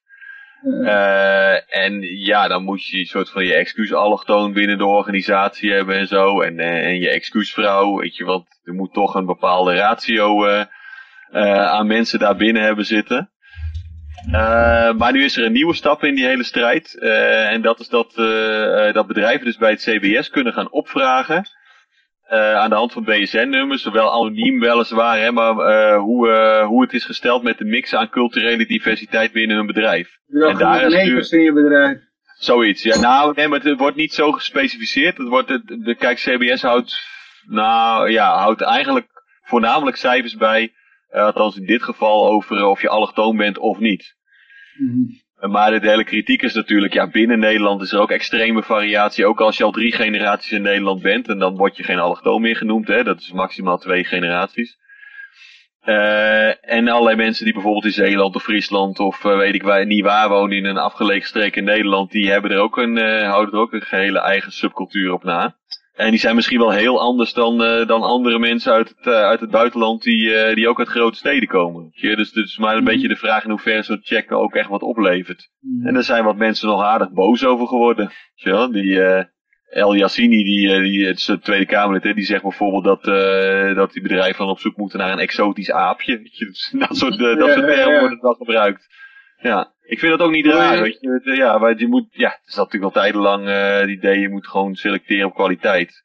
Uh, maar er zijn, er zijn bedrijven die, uh, ja, die, die, die, die kunnen daar niet doorheen kijken als iemand El Yassini heet bijvoorbeeld. en die, ja, die gaan er alsnog op selecteren. Dat moet natuurlijk kunnen, maar dan schiet je jezelf mee in de voet, denk ik dan. Als het echt iemand is die kwaliteit heeft, dan heb je jezelf er alleen maar mee. Dus ik zou zeggen, laat ze dat nou lekker zelf uitzoeken. Ja, precies. Ja. Ja, ik denk uh, over dit onderwerp hebben we ook eigenlijk al uh, de laatste tijd al genoeg over gehad. Dat, uh... mm. Ja, maar het rare, het rare is dus, wij hebben het er heel vaak over gehad, maar dat betekent dus ook dat er in de Tweede Kamer maar over gepraat blijft worden.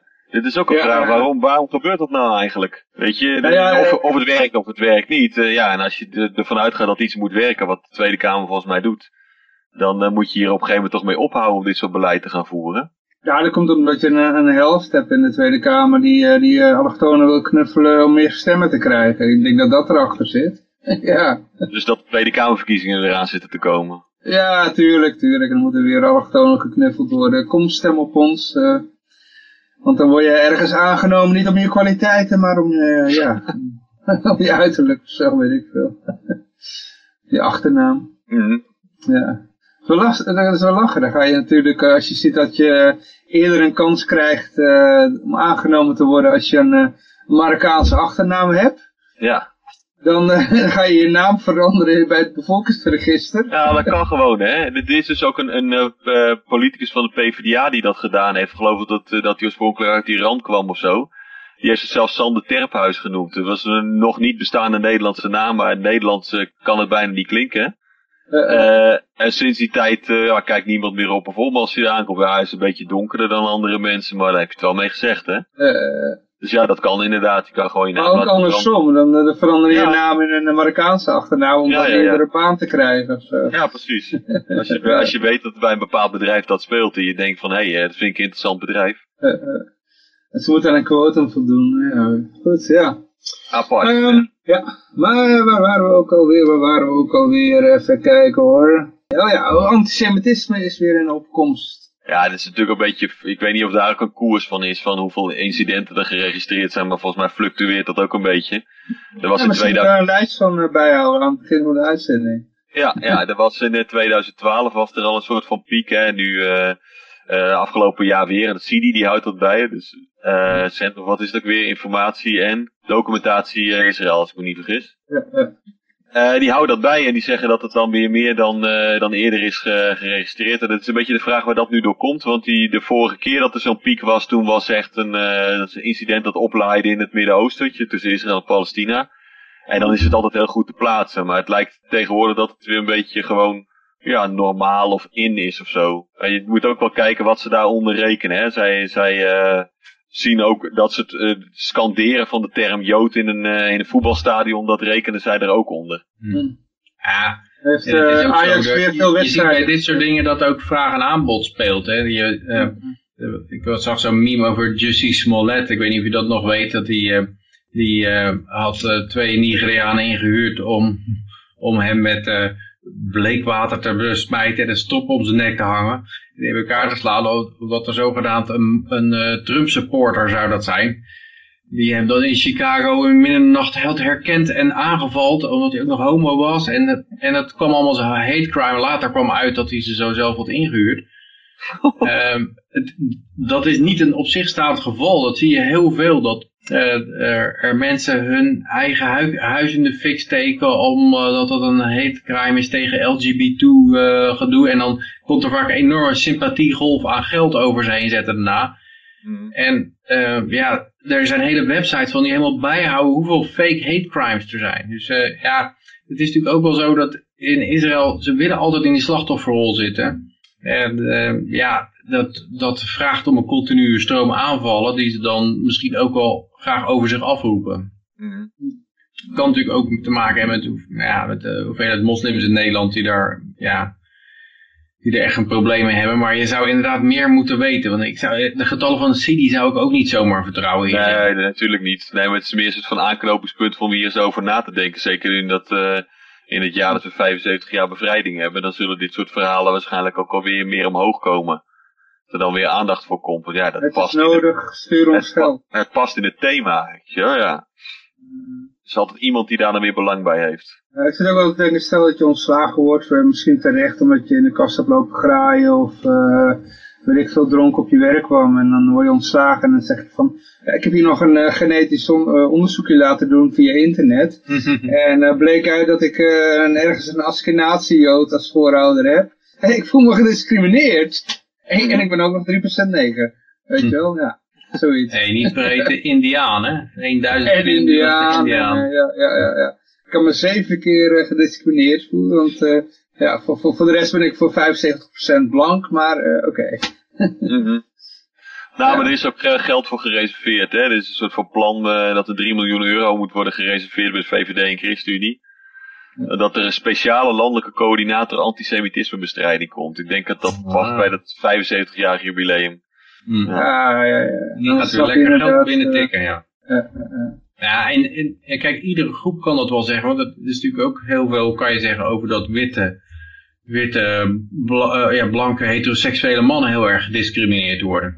En, en daar, daar, dat kan je ook hard maken als je kijkt naar, eh, ehm, ja, die, die hebben het minste ehm, toegang tot voorkeursbanen. Er, er zijn, eh, de zelfmoorden zijn heel hoog onder, onder blanke mannen. Eh, de, ja, eh, er, zijn, er zijn een heleboel voorbeelden van. En ehm, ja, het, er zijn een heleboel slachtofferrollen. En, en er wordt dankbaar gebruik van maken om in een slachtofferrol te kruipen. En dat is, ja, dat is een gewenste positie en dat lijkt het vaak niet. Want je denkt van ja, wie wil er nou een slachtofferrol zitten? Maar toch is het zo dat, ja, dat daar zitten bepaalde voordelen aan.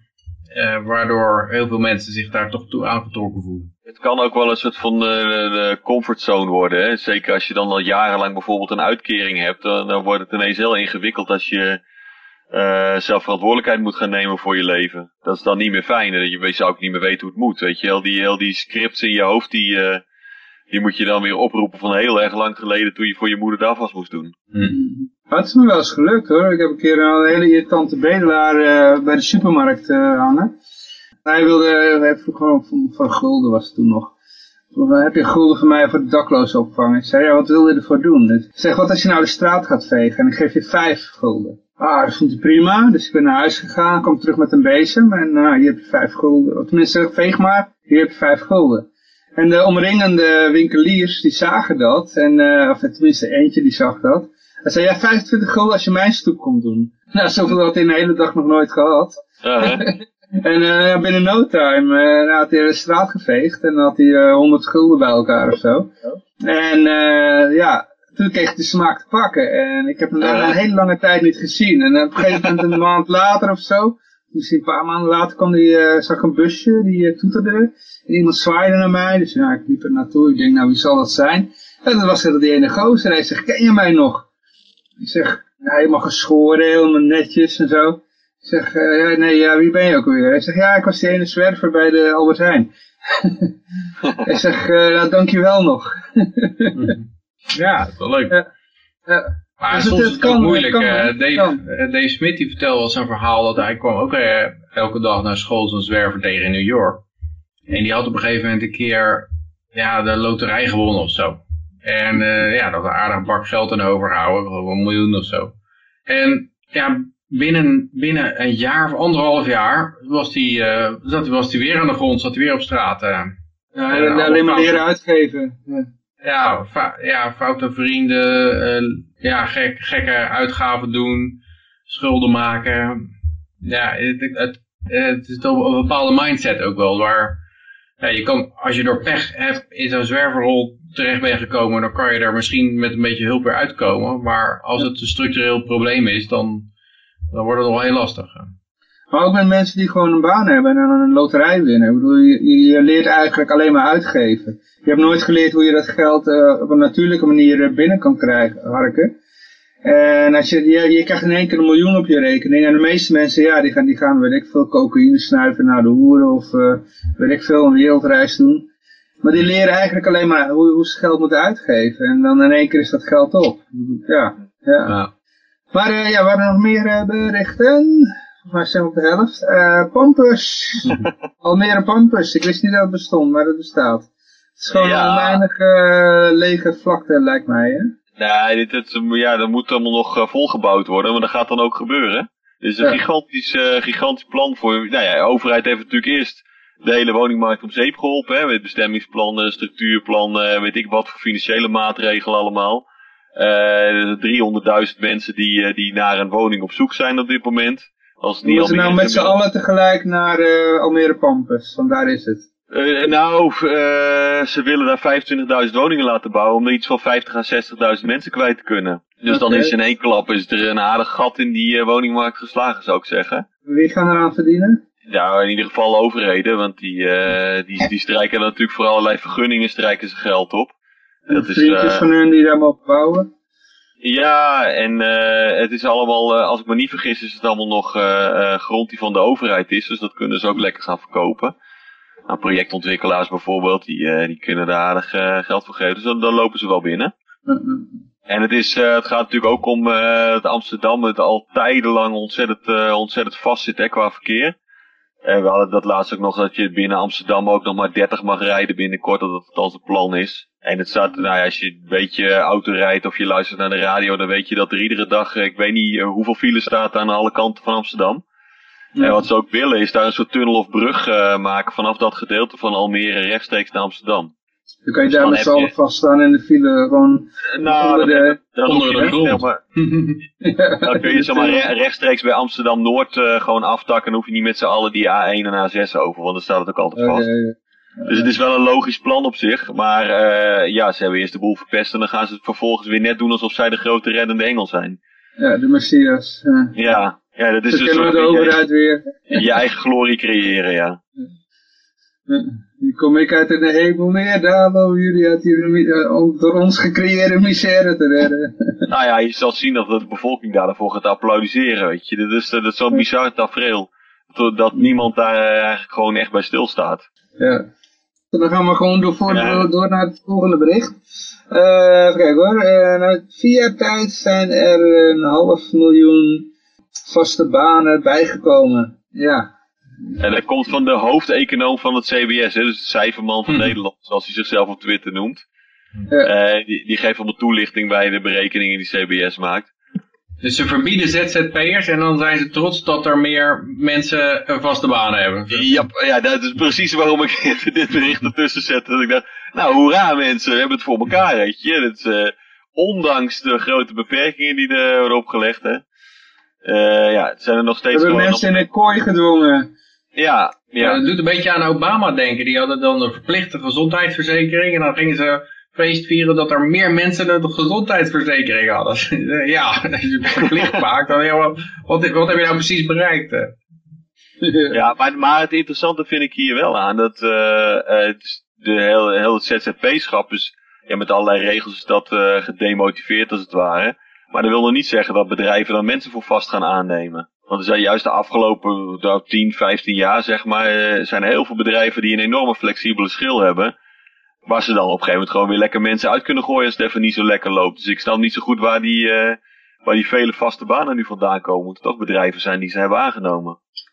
Ja, daar, ja, ik weet niet precies hoe het CBS dat doet, maar ik weet wel, dat in Amerika hebben ze er ook van die trucjes voor. Hè? Dat is een vaste baan opeens, dat is dan minder uren, is al een vaste baan. Oh, ja, ja. Nul uur contract of zo. Ja, nul uren contracten. Ja, dat, dat is ook vaak inderdaad zo'n eh, oplossing. Of, of dat mag niet meer geloof ik, hè? Nou, vier uur of zoiets. Maar goed.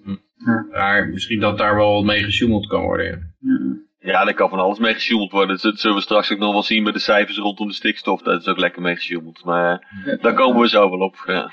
Ja, hadden hier nog even kijken hoor. Eh, politie, grootste Nederlandse werkgever, eh, multinationals verliezen terrein. ja, mooi hè? Ja. Ja. Ja, dat, je denkt, hoe kan dat nou? Nou ja, dat, eh, dat gebeurt natuurlijk gewoon als, eh, als de overheid de regels bepaalt. Misschien zijn er gewoon meer vaste banen bij de politie. Ah, dat zou natuurlijk kunnen, ja. ja. Tada! 1 plus 1 is 2. we hebben de oplossing gevonden, ja. Nou, maar dat is wel zo. Dat het grootste aantal banen is ook eigenlijk bij, eh, bij de overheid, hè? Zo minder ZZP'ers bij de politie. Eh, Ja, ja, ja, dat ze niks geoutsourced hebben. Nou, eh, dat is wel grappig dat je dat nou zegt. Nee, toen was extern personeel bij de politie gewerkt. precies, precies. Ja, en ze hebben dat in het leger, hebben ze dat ook van die, nou ja, burger, hoe noem je dat nou, burgerbanen als het ware. En die huren ook wel eens externe partijen in.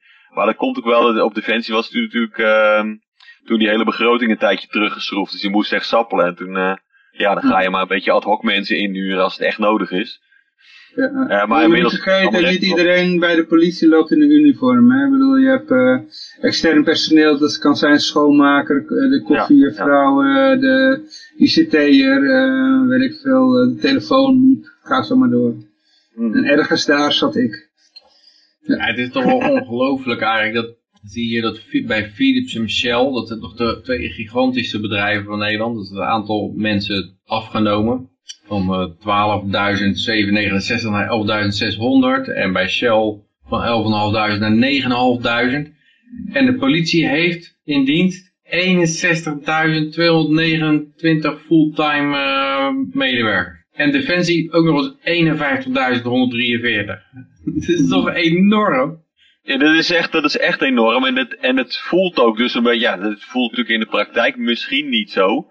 Uh, maar voor mij wel. Maar uh, je ziet overal en nergens ook wel politie rondrijden. En uh, het voelt steeds meer als een soort van politiestaat. En dat is ook niet zo raar met, met de VVD aan het roer. Die houdt daar heel erg van. En ik heb het idee dat er nog een veelvoud van wat er in de auto's rondrijdt, dat dat in bureaubanen zit. Want ik denk dat, dat, dat je, ja, dat, dat moet echt het levendeel zijn. En allemaal, allemaal die zitten dan, uh, ja, uh, klusjesmannen op te sporen die zonder vergunning werken of zo. Ja, boetes binnen te halen. Waarvan die veilige, veilige boete binnenhalers. Mm. Uh, je had laatst zo'n schietpartij bij zo'n uh, instelling, geloof ik.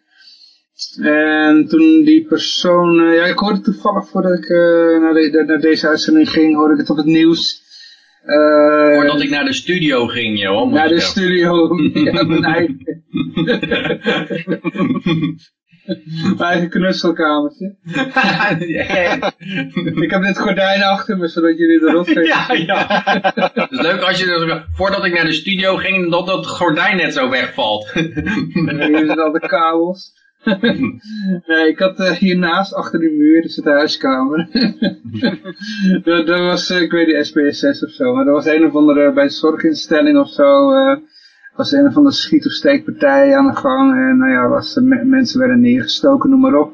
En iemand, die hoorde, de omwonenden hoorden allemaal geschreeuw en gekrijs en hulp. En die hebben toen de politie gebeld en hij kreeg steeds te horen van... Ja, er is, is, geen politie beschikbaar op dit moment. Weet je wel. Ja. ja, die zijn aan het flitsen. Ja, dat werd niet bijgezegd. Maar ik, ik zei al tegen mijn vrouw, ja, die zijn aan het flitsen. Weet je wel. Er is geen politie beschikbaar voor een steekpartij. We, zijn, we hebben slechts 61.229 fulltime equivalents. Die zijn bezig met flitsen. Weet ik veel, drugs, uh, hoe dat, de drugsmensen aan het opsporen. Op Facebook aan het zoeken naar, naar, naar websites waar ze nep Louis Vuitton tasjes verkopen en zo. Allemaal, allemaal dingen waar je gewoon s'nachts soms badend in het zweet van wakker wordt. Dat er iemand ergens een Louis Vuitton tasje verkoopt uh, wat niet helemaal echt is. Uh. Maar gelukkig zijn ze onze politie daar om met tienduizenden mannen erop af te stormen. Ja. Of hate speech op Facebook. ja, ja, de twitteraars te arresteren die iets fout zeggen. Uh, iemand die Erdogan beledigt. ja, oh. Twitter oh, Oh ja, oh, daarop gesproken. Oh, steekpartij. Ja, hebben we geen tijd voor. Nee, even iets anders. We hadden de, een prijsvraag, dat hebben we helemaal vergeten. Maar uh, oh, ja. in ieder geval, de winnaar moet ik nog steeds bekendmaken. Van de, de, de, de, de, voor de, die, die, die wint dan alle tokens. Want ja, ik zou ze verdelen onder de inzenders. Er is maar één mm. geweest, dat is Ron. Onze ja. vaste luisteraar. En die... Uh, waarschijnlijk die, die man van de IVD. maar die uh, wint alle Erdogan Fucks Twitterbeurt uh, tokens. Hoppa. Ja. Gefeliciteerd Ron. Ja, ik zal ze deze week naar je toe sturen. Ja, maar uh, hadden je nog iets over te zeggen? Nee, ja, ik hoop vooral dat, uh, dat het in, in, in, korte tijd een stuk minder gaat worden allemaal. Want ja, dat kost heel veel geld. En volgens mij worden er niet zo heel erg veel mensen ontzettend veel blijer van. Nee, het levert geen welzijn op. Precies, dit is het soort van broken window versie van formaat. Hè? Ja, ja, ja. Maar uh, ja, dan gaan we even naar de pensioenfondsen. even kijken, iets met dekkingsgraad en coronavirus. Uh, ja, ja nou, weet je, de, de, het idee is dus dat het gaat slecht met, met de economie. En dan die pensioenfondsen die, die krijgen daar een tik van. en daardoor komen ze onder de kritische dekkingsgraad. Um, maar die, die gepensioneerden die mogen nu dus allemaal, ja, die moeten nu dus inleveren op hun pensioentje omdat er uh, op, op andere vlakken is geklooid. Nou, niet alleen uh, dat, hè. Niet alleen dat. Het gaat eigenlijk nog verder dan dat, maar oké. Okay. Ja, vertel. Hoe, hoe gaat het? Nee, hoe gaat het ik, zal, e- ik zal even stil nog zijn. Oh, nou, ik, ik zal eventjes uh, de, de, de, kern van het bericht uh, eventjes meedelen. Uh, het heeft natuurlijk ook te maken met dat ECB-beleid, die dan een percentage naar, naar 0% hebben gegooid. En niet alleen ING en ABN AMRO die dan spaarrente hebben verlaagd. En die dekkingsgraad van de pensioenen, die, die gaat er nu dus ook gewoon aan. En eh, ja, dat kan je afwachten dat die pensioenen gewoon weer niet geïndexeerd worden, zoals de afgelopen decennia al vaker is gebeurd. Hmm. En dus die negatieve mensen, rentes, je hebt natuurlijk ook 17 biljoen eh, negatieve rentes. eh, Ja, eh, 17 miljard. Ik snap hem in één Nee, keer. Dus we, hadden, we begonnen de uitzending al met de, de, de Surinaamse centrale bank die erover pleegt. Ah. Maar dit is dan de wijze waarop de ECB erover pleegt. nou, dit is het gevolg wat ze gedaan hebben. Weet je, hun, dit, we hebben Ja, maar dit is in de pensioenpotten. En ik wist al van als er ergens geld is. Ja, Ja. bij, de, bij de Euro- Europese Unie zit alleen maar rovers. Die denken, nou ja, hoe kunnen wij die potten leeg gaan... eh, Ja, jij zegt het net zoiets als de eh, Surinaamse centrale bank die gewoon de particuliere banken leegrooft. Dit, dit Ja, eh, zij hier doen- worden de ja, pensioenfondsen leeggeroofd door de ECB. Zij doen het een beetje netter, maar, maar dit is meer een soort van collateral damage volgens mij voor de ECB. Want hun Ja. idee was eigenlijk veel meer dat, dat bedrijven dan al hun geld van de banken zouden halen en dan massaal geld zouden gaan lenen. Zodat, eh, zodat ze op die manier, eh, nou ja, weer een extra inflatie eh, konden veroorzaken. wel? En daarmee allerlei mensen in de, in, de, in de economie konden laten investeren. Waardoor natuurlijk de staatsschuld dan ook weer minder waard wordt. Nou ja, Oh, ja. Nou, wat- wat, ik nog heel vreemd vind trouwens, is dat er hier wordt, eh, dit nog even, door rente en coronavirus. Wat is er nou tijdens het coronavirus gebeurd met de beurs? De S&P eh, 500 is alleen maar naar nieuwe records toe gegaan. De rente is omlaag gegaan, eh, dat, dus de bestaande obligaties van die, van die lui, die gaan omhoog. Dus ik, ja, zie dit een beetje eh, als een, beetje als een excuus voor... eh, Ja, het is voor de headlines. Laten we corona nog even erbij halen, want dat biertje moet ook even gepromoot worden, zoiets. Eh, Maar Yoshi, vertel. Ja, ja, ja. Dan krijg je, krijg je weer zo'n verhaal van mij. Alleen, Ja, vertel. kijk, voor een deel is dit, die dekkingsgraad wordt vastgesteld door een berekening die eh, wordt opgedragen door de Europese Centrale Bank, wordt overgenomen door de Nederlandse Bank. En ehm, die gaan daarin, die hebben daarin een bepaald beleid. Hè. Dat is niet per se, eh, want al die, al die pensioenfondsen hebben meer geld dan ooit. En vaak zijn die, eh, als je met de cijfers van, eh, met de rentepercentages van een aantal jaar geleden, van voor de crisis zou rekenen, dan zitten ze er zwaar, zwaar overheen zelfs. Alleen, de rentes worden allemaal naar beneden aangepast. Nou, ik heb dus een kleine eh, eh, theorie wederom, Johan. Laten we hem er maar in gooien. De vorderingen van alle pensioengerechtigden zijn op dit moment bijna op hun hoogtepunt in het bestaan van al die pensioenfondsen. Waarom?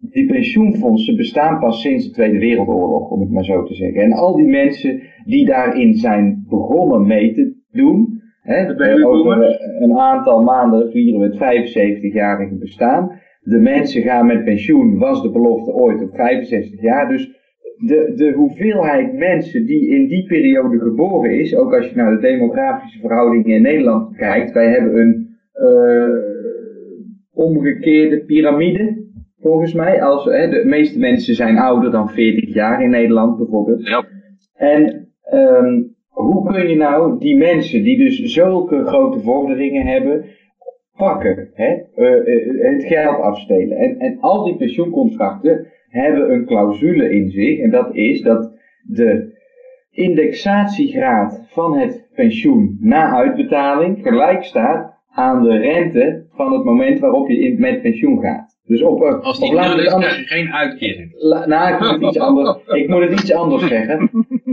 Er is een bepaald indexatiegetal. En dat indexatiegetal hangt sterk samen met de rente. Eh, als jij met pensioen gaat, dan geldt op dat moment dat indexatiegetal voor de rest van de looptijd van jouw uitbetaling. Dus als jij nu met pensioen gaat en de indexatie is 0,1%, krijg jij voor de rest van je leven 0,1% wordt, wordt jij geïndexeerd. Dat getal wordt één keer vastgesteld op het moment dat jij met pensioen gaat. Nou, en dat is wat er nu dus op het spel staat. Die mensen hebben al een grote vordering. Stel dat nu de rente 5% zou zijn, dat die, al, dat, al, dat die mensen voor de rest van hun leven, dat ze nog leven, wat veel langer is dan dat ze verwachten Ah. toen die mensen geboren werden, elk jaar 5% erbij krijgen. Dat kunnen ze dus niet betalen. Daarom wordt die rente naar beneden gemanipuleerd en worden hun opgedragen nu lage, eh, eh, hoe zeg je dat? Correcties, nee, indexaties. Ja, dankjewel. Indexatiegetallen te gebruiken. Want alle mensen die nu dus met pensioen gaan, en dat is het overgrote deel van de pensioenspaarders, gaat in de komende 15 jaar met pensioen. Als die indexatiegraad dus heel laag is, dan zullen die in de loop van hun verdere loopbaan uh, heel laag geïndexeerd worden. En, en dat is volgens mij de inzet van dit hele verhaal. Daarom moeten nu de rentes laag zijn, uh, omdat het, het grootste deel van de spaarders nu hun contract het tweede deel in laat gaan, namelijk het deel van dat ze overgaan van betalen naar uitbetalen, of van betalen naar ontvangen. En ja, dat gaat om zo grote bedragen, daar zit zoveel De Nederlanders zijn gewoon de grootste spaarders ter wereld. Wij hebben het meeste geld van alle mensen op de wereld. En ja, dat is interessant voor mensen die aan de andere kant van die, van die balans staan. Want voor sommige mensen is dat een verplichting. En, en, en er zit, ja, er, is gewoon een incentive,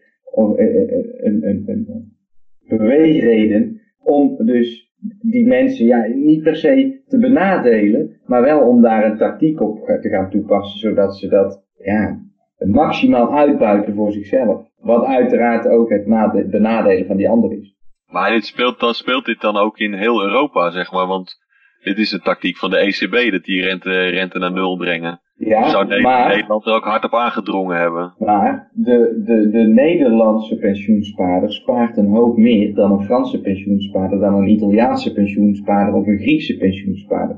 Dus eh, ten eerste, ik durf niet met zekerheid te zeggen uh, ja of nee op deze vraag. Maar uh, het zal inderdaad, de contracten voor pensioenen zullen in heel Europa nagenoeg gelijk zijn. Dus het zal overal gelden. Maar in Nederland is er net iets meer te halen dan in Griekenland. Maar hoe dan ook, er moet ook, um, de rente moet ook omlaag, omdat het eigenlijk een manier is om de staatsschulden te financieren. En ja, Nederland doet het heel matigjes nou met het op laten lopen van de staatsschuld. Maar als je kijkt wat er in Amerika gebeurt en wat er in veel andere Europese landen gebeurt. Dat is heel veel deficit spending en, en uh, ja, schulden maken door de overheid. En dat betekent dat, dat ze eigenlijk alleen maar kunnen overleven zolang de rente dicht bij de nul is. En niet alleen zijn dat overheden nu, maar ook heel veel bedrijven hebben enorme bedragen geleend om bijvoorbeeld eigen aandelen in te kopen. Met de, mhm. ja, alleen omdat de rente zo laag is. Heel veel huiseigenaren kunnen alleen hun huis betalen omdat de rente zo laag is. Dus dat betekent dat de rente niet omhoog kan gaan. En, en uh, omdat er dan gelijk allerlei mensen enorm in de problemen komen. En ja, dat betekent in feite dat de munt uiteindelijk waardeloos moet worden. Want ze moeten die, ja, die lage rentes handhaven. Ja, maar, maar rente is een kostprijs voor het risico. En als je nu naar het verleden kijkt, is het dus ook logisch dat die rente zo laag is. Want er is kennelijk geen risico. We hebben nu het European Stability Fund. En als er eh, de Duitse Bank dit jaar failliet gaat, dan komt er gewoon 100 zoveel miljard, whatever they niet, naar de Duitse Bank. Want de Duitse Bank is een systeembank en die mag dus niet falen. Mm en... Nee, maar er, er, bestaat inderdaad geen risico dat je je geld niet terugkrijgt, want dat is allemaal uh, afgedekt met de geldpers. Maar het risico zit hem in de waarde van de valuta. Dat de waarde ja, van je valuta achteruit gaat. Maar dat is niet in de rente. Het, risico is overgeheveld eigenlijk naar de valuta toe. En dat is een reden waarom goud zo hoog is. En ik denk ook waarom bitcoin het, en crypto's het zo goed doen. Omdat mensen zich realiseren, of sommige mensen realiseren zich, dat de valuta's risico lopen als je alle risico's weghaalt bij bij banken, bij bedrijven, bij overheden. Eh, als die maar ongebreideld kunnen lenen en financieren, dat uiteindelijk die munt onderuit moet gaan. En ja, daar is men zich op aan het voorbereiden, denk ik, met die alternatieve investeringen. Ja, goed mogelijk. Ja, Heel, ja zeker. Maar dan gaan we nog even naar uh, de, de boeren toe. Want uh, die, uh, die hebben ook een eigen berekening gedaan als het gaat om stikstof. Ja, ja we, zaten, we zaten er voor de uitzending een beetje over te praten. Ja, En ik had hem ook al even geplaatst in, uh, in onze nieuwsgroep. En daar kwam ook echt een reactie op. Goh, je zou het niet verwachten. Dus het is nu, nu dus uitgekomen dat de RIVM in, in, uh, in haar berekeningen uh, eigenlijk met verschillende maten meet voor de industrie en voor de landbouw. Dus, voor de, dus die boeren die hebben nu zelf een berekening erop losgelaten, althans een belangenorganisatie, het uh, Mesdag Zuivelfonds. Uh, en die, uh, die gaat er ook een kort geding over, die heeft er kort geding over aangespannen om al die brondata te krijgen. Nou, dit mm, mocht, zei de rechter dat de overheid zelf mocht weten. Uh, maar uiteindelijk hebben ze dan toch eigenlijk wel al die data gekregen. en toen kwamen ze erachter, nee, maar heel die industrie, die, daar worden heel veel bedrijven niet in meegenomen, omdat ze onder een bepaalde drempelwaarde liggen. Weet je, dus Dus er zijn duizenden industriële bedrijven die jaarlijks minder dan 10.000 kilo CO2 uitstoten. Ja. Of sorry, stikstof uitstoten. En, die, en bij boeren wordt eigenlijk iedere kip en ieder varken wordt daar geteld. Dus ik heb zelf bij het ministerie van Landbouw gewerkt. En die boeren moeten echt, als zij boven een bepaald aantal dieren komen, moeten ze al die dieren op aantal moeten ze dat tellen. En hoeveel mest er uitgestoten wordt. Heel die mestboekhouding moet bijgehouden worden. Nou, je kunt zo gek niet bedenken of die boeren moeten dat allemaal bijhouden. En als er iets niet aan klopt, dan worden ze nagebeld. En als het te gek wordt, dan komen er zelfs mensen controleren op de werkvloer, zullen we zeggen. Maar voor die industriële bedrijven die, uh, die minder dan die drempelwaarde uitstoten, wordt dat eigenlijk helemaal niet gemeten. Dus ja, dat zijn dan duizenden bedrijven maal 10.000 kilo, of zeg maar 5.000 kilo als je gemiddelde neemt. Dan zit je zo op een paar miljoen uh, kilo. Ja, dan krijg je wel scheve verhoudingen van natuurlijk. Het wordt gewoon met cijfers gegoocheld. Het is heel erg gegoocheld weer, ja. En de, nou ja, maar die, uh, die belangenorganisatie van die boeren, die heeft dat nu dus zelf uitgezocht. En uh, die, die zit er ook al hard bovenop. Maar wat doet de, de overheid dan met, met, dit, met deze kennis? Weinig tot niets. Want die boeren die, die hebben natuurlijk weer geprotesteerd gisteren. Mm -hmm. maar ja, ik herinner me dat wel van, van protesten waar ik zelf aan heb deelgenomen. Niet met boeren of zo, maar in het verleden, mijn studententijd.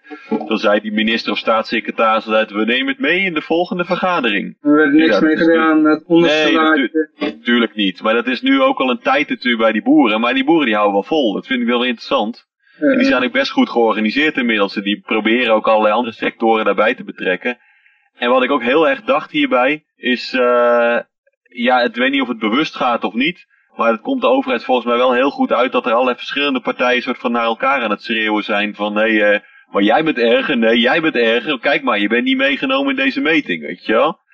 Uh, Ja. Terwijl in de tussentijd de overheid gewoon al die regels natuurlijk aanscherpt waar iedereen tegelijkertijd last van heeft. Ja. En daar proberen die boeren nu wel heel erg op in te spelen om al die andere sectoren die ook beperkt worden door deze regelgeving, om die daar in mee te nemen. Dat, uh, dat samen op te trekken om, uh, om tegen dit uh, overheidsbeleid te strijden.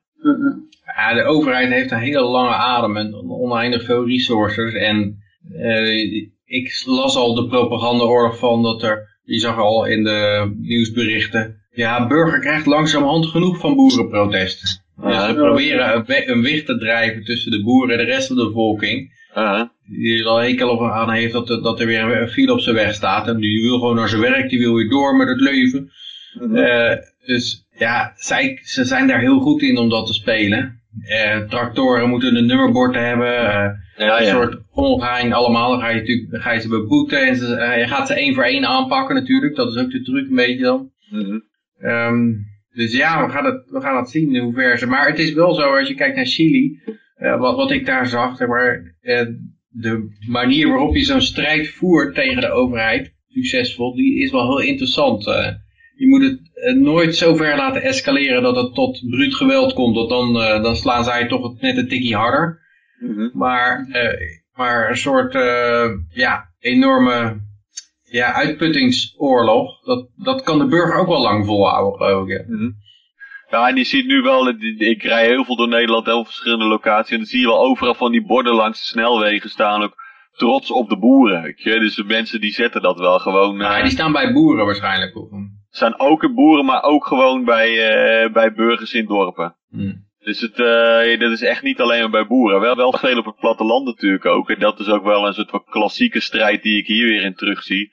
Ik ben zelf op het platteland opgegroeid. En dat was 18 jaar lang ook alleen maar schoppen tegen de Randstad en tegen Den Haag. Omdat die allemaal regels bedachten waar het platteland niet op zat te wachten. En dat is nu eigenlijk nog steeds zo.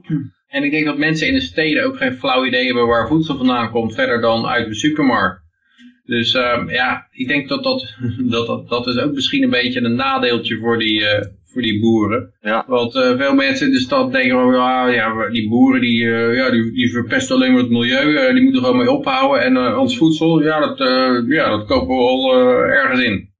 Ja, dat is natuurlijk ook zo. Dit, maar daarom hebben die boeren op een gegeven moment ook wel allerlei distributiecentra geblokkeerd, zeg maar. Zodat het wel wat directer zou zijn, dat effect. Hm. Ja, Canada kan ook, of Rus Rusland kan ook. Verenigde Staten, ze Ja, of Ja. dat je niet meer uit Rusland mag kopen omdat eh Amerikanen dat eh, geen goed idee vinden of zo. Of eh, ja, eh, dit, eh, dat is ook allemaal heel erg eh, ja, gevaarlijk. Maar Ja. het is interessant. ik denk niet Ja, ik denk dat het moeilijk is voor één zo'n sector om gewoon een hele lange oorlog te voeren tegen de overheid of een lange strijd. Ze Dat, doen het niet helemaal alleen, hè? Al die boerenbedrijven, of de bouwbedrijven, die hebben ook al Ja. even meegedaan. Dat de hele boel vastgezet op het Malieveld. Nou ja, als het de, de bouw en de, en de boeren, dan heb je wel een flink stuk te pakken, zeg maar. Dan, eh, maar de politie hebben 62.000 fulltime equivalents, dus dat is nog steeds de grootste macht. eh. En als er dan een schietpartij is, dan eh, zijn ze nergens te bekennen. nee. Dat zag je ook al met die, grote, met die grote tractor toen ze daar inderdaad aan het Malieveld toe kwamen rijden. En eventjes een andere route wilden nemen dan de politie bedacht had. Ja, die tractoren die zijn zo groot, dan ga je met een politieautootje niet tegenhouden. Dus dan moest het leger erbij komen kijken. Hm. Heeft hij ook weer eens een functie, hè? Was het wat trouwens gisteren? Want ik heb dat even gemist. Nou, er waren weer wat schermutselingen geloof ik, maar niet echt heel uitgebreid. Ik heb ook niet veel nieuws over gezien. Eh, Rutte die wilde wel die boeren verbieden om over de A12 te rijden. We hebben ze natuurlijk niet helemaal aan gehouden. En ik dacht ook echt, ja dan ga je die A12 blokkeren, maar dan rij je gewoon om over de, over de N11 A4 of je rijdt via de zuidkanten langs. Als je een beetje bekend bent daar, dan laat je daar niet te tegenhouden. Ja, precies. Ja, ja, er waren er ook al een paar die waren de nacht ervoor gekomen, had ik gelezen. Maar normaal dan, dan kijk ik altijd wel op een livestreampje mee, want ik vind protesten altijd leuk om te zien. Hè. Dan eh, denk ik, oh, die hebben het twaalf jaar later dan ik ook in de gaten, dat het niet helemaal joop was. Maar, eh, nee, ik had er deze keer had ik er weinig van meegekregen. Er zal waarschijnlijk iets gebeurd zijn.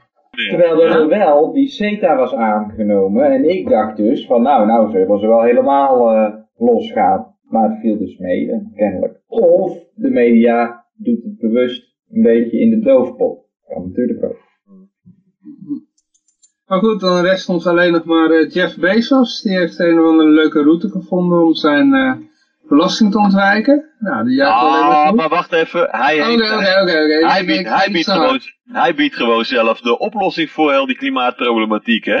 Waar ze in Nederland dan allemaal stikstofregeltjes dan bedenken vanuit de overheid, waar iedereen eh, in Nederland zo ongeveer last van heeft. Komt hij, eh, ja, hij, hij heeft, ja, hij heeft natuurlijk heel veel, heel veel kritiek gehad. eh, van dat Amazon zou dan niet genoeg doen aan het klimaat of vervuiling, et cetera. Maar die, die start zelf een klimaatfonds met 10 miljard dollar. Ik denk, nou, dan ben je lekker bezig, jongen. En dan is dus, dan, dan, dan, gaan, maar dan gaan die mensen die, die, eh, eh, die heel erg voor het beschermen van, eh, van, van de temperatuur op aarde zijn, om het maar zo even te zeggen. Die komen natuurlijk in een ongelofelijke spagaat te zitten dan. Want dan is er eindelijk iemand die, die iets wil storten voor het klimaat. 10 miljard dollar notabene. Een van de rijkste mensen ter wereld. Maar ja, dat is wel weer zo'n zo'n zo'n baas van een heel grote multinational. En daar mag je toch eigenlijk geen fan van zijn als rechtbesnaarde linkse klimaatactivist. Dus wat Ja, ga je dan kiezen? Wat ga je dan kiezen? Ja. Maar dat is toch net als, eh hoe heet dat, dat is als, als, als Bill Gates, weet je wel. Dan weet je ook van, ja, Ja. ja die, die loopt alleen maar, eh, ja, die loopt gewoon, ja, ik, ik vind het allemaal prima. Ik, ik, ik wou dat iedereen het deed. Gewoon zijn belasting te ontwijken. Ook dat. Ja, toch? Ook dat. Of uh, ja. Zuckerberg, weet je wel. eh Ja. Die zet zijn kind dan, is zijn kind dat net geboren is, is dan CEO van het liefdadigheidsfonds waarin zijn hele Ja. kapitaal stort. Ja, Ja. Er zit altijd een addertje onder het gras, maar ik vind het wel mooi wat voor effect ja het ik vind het prima addertje hoor. Ik, ik, ik wou er meer Ja. van die addertjes waren. Ja, ja, ja, dat vind dat ook leuk. Ik vind dat ook leuk, maar ik vind vooral die, die spagaat vind ik ook wel interessant, weet je. Want hoe moet je hier nou als klimaatactivist in gaan staan? Moet je, moet je dat dan heel vervelend vinden dat, omdat het zo'n nare man is of zo? Of, of ga je dan toch een als uti- utilitair erin staan en denken van nou, als het werkt dan is het oké. Ja, ja. Ik denk dat we het gewoon negeren. Dat over het algemeen is dat, eh, denk ik, voor hun de beste eh, oplossing. Ja, je kan er niet positief en niet negatief over zijn, dus moet je het negeren. Dat is eigenlijk wat Bernie Sanders doet als hij gevraagd wordt van, eh hey, hoe vind je nou met Venezuela gaan of met Cuba? Eh, dan eh, gaat hij gewoon niet op in. Eh, hij, hij zegt gewoon Denemarken. maar dit is natuurlijk hetzelfde verhaal als wat Ayn Rand altijd zei. Van eh, iets is echt als het echt is in zijn consequenties. En dit heeft natuurlijk wel consequenties als hij zo'n klimaatfonds opzet. Er zullen bepaalde dingen gaan gebeuren die eh, we- wel, eh, wel iets te maken hebben met, eh, met de doelen die klimaatactivisten zich ook stellen. En de vraag is dan van, gaan ze zich dan erop beroepen dat ze- zelf zo goed hun best hebben gedaan. En dat de overheden nu eindelijk naar ze geluisterd hebben. Of nemen ze dit ook mee in hun verhaaltje? Ik, ik weet al wat eruit gaat komen. Ze gaan natuurlijk gewoon zeggen dat eh, Amazon het meest groene bedrijf is. Ja? Dat Ja, ze eindelijk het licht hebben gezien, zoiets. Nou ja, gewoon alleen maar go- goed over Amazon. ja. Dan wat t-shirts Gewoon een gokkie hoor, gewoon een gokkie. Huh? Nou, ik ben benieuwd. We gaan, we gaan het bijhouden. Kijken wat er gebeurt. Eh, eh.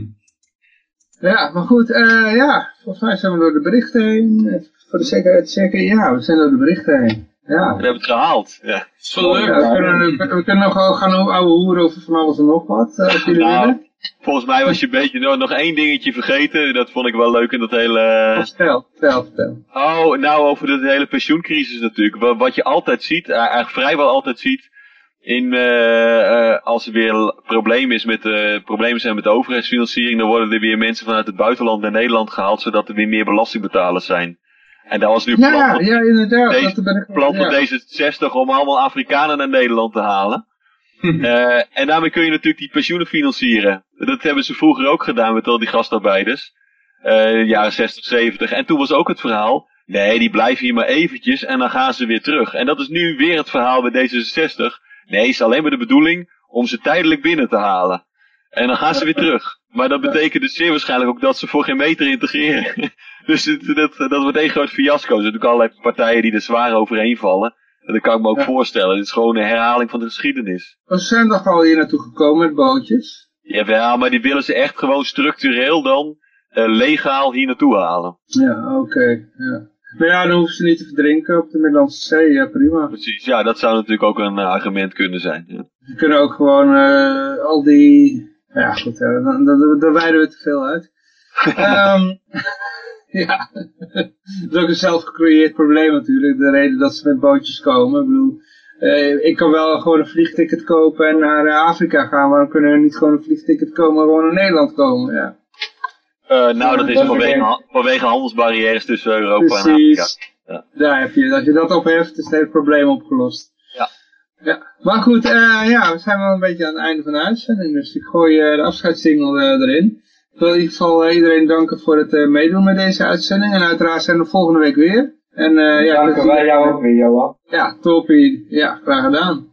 En ja, ik zou zeggen, toedeledokie. Ja, dit is hem.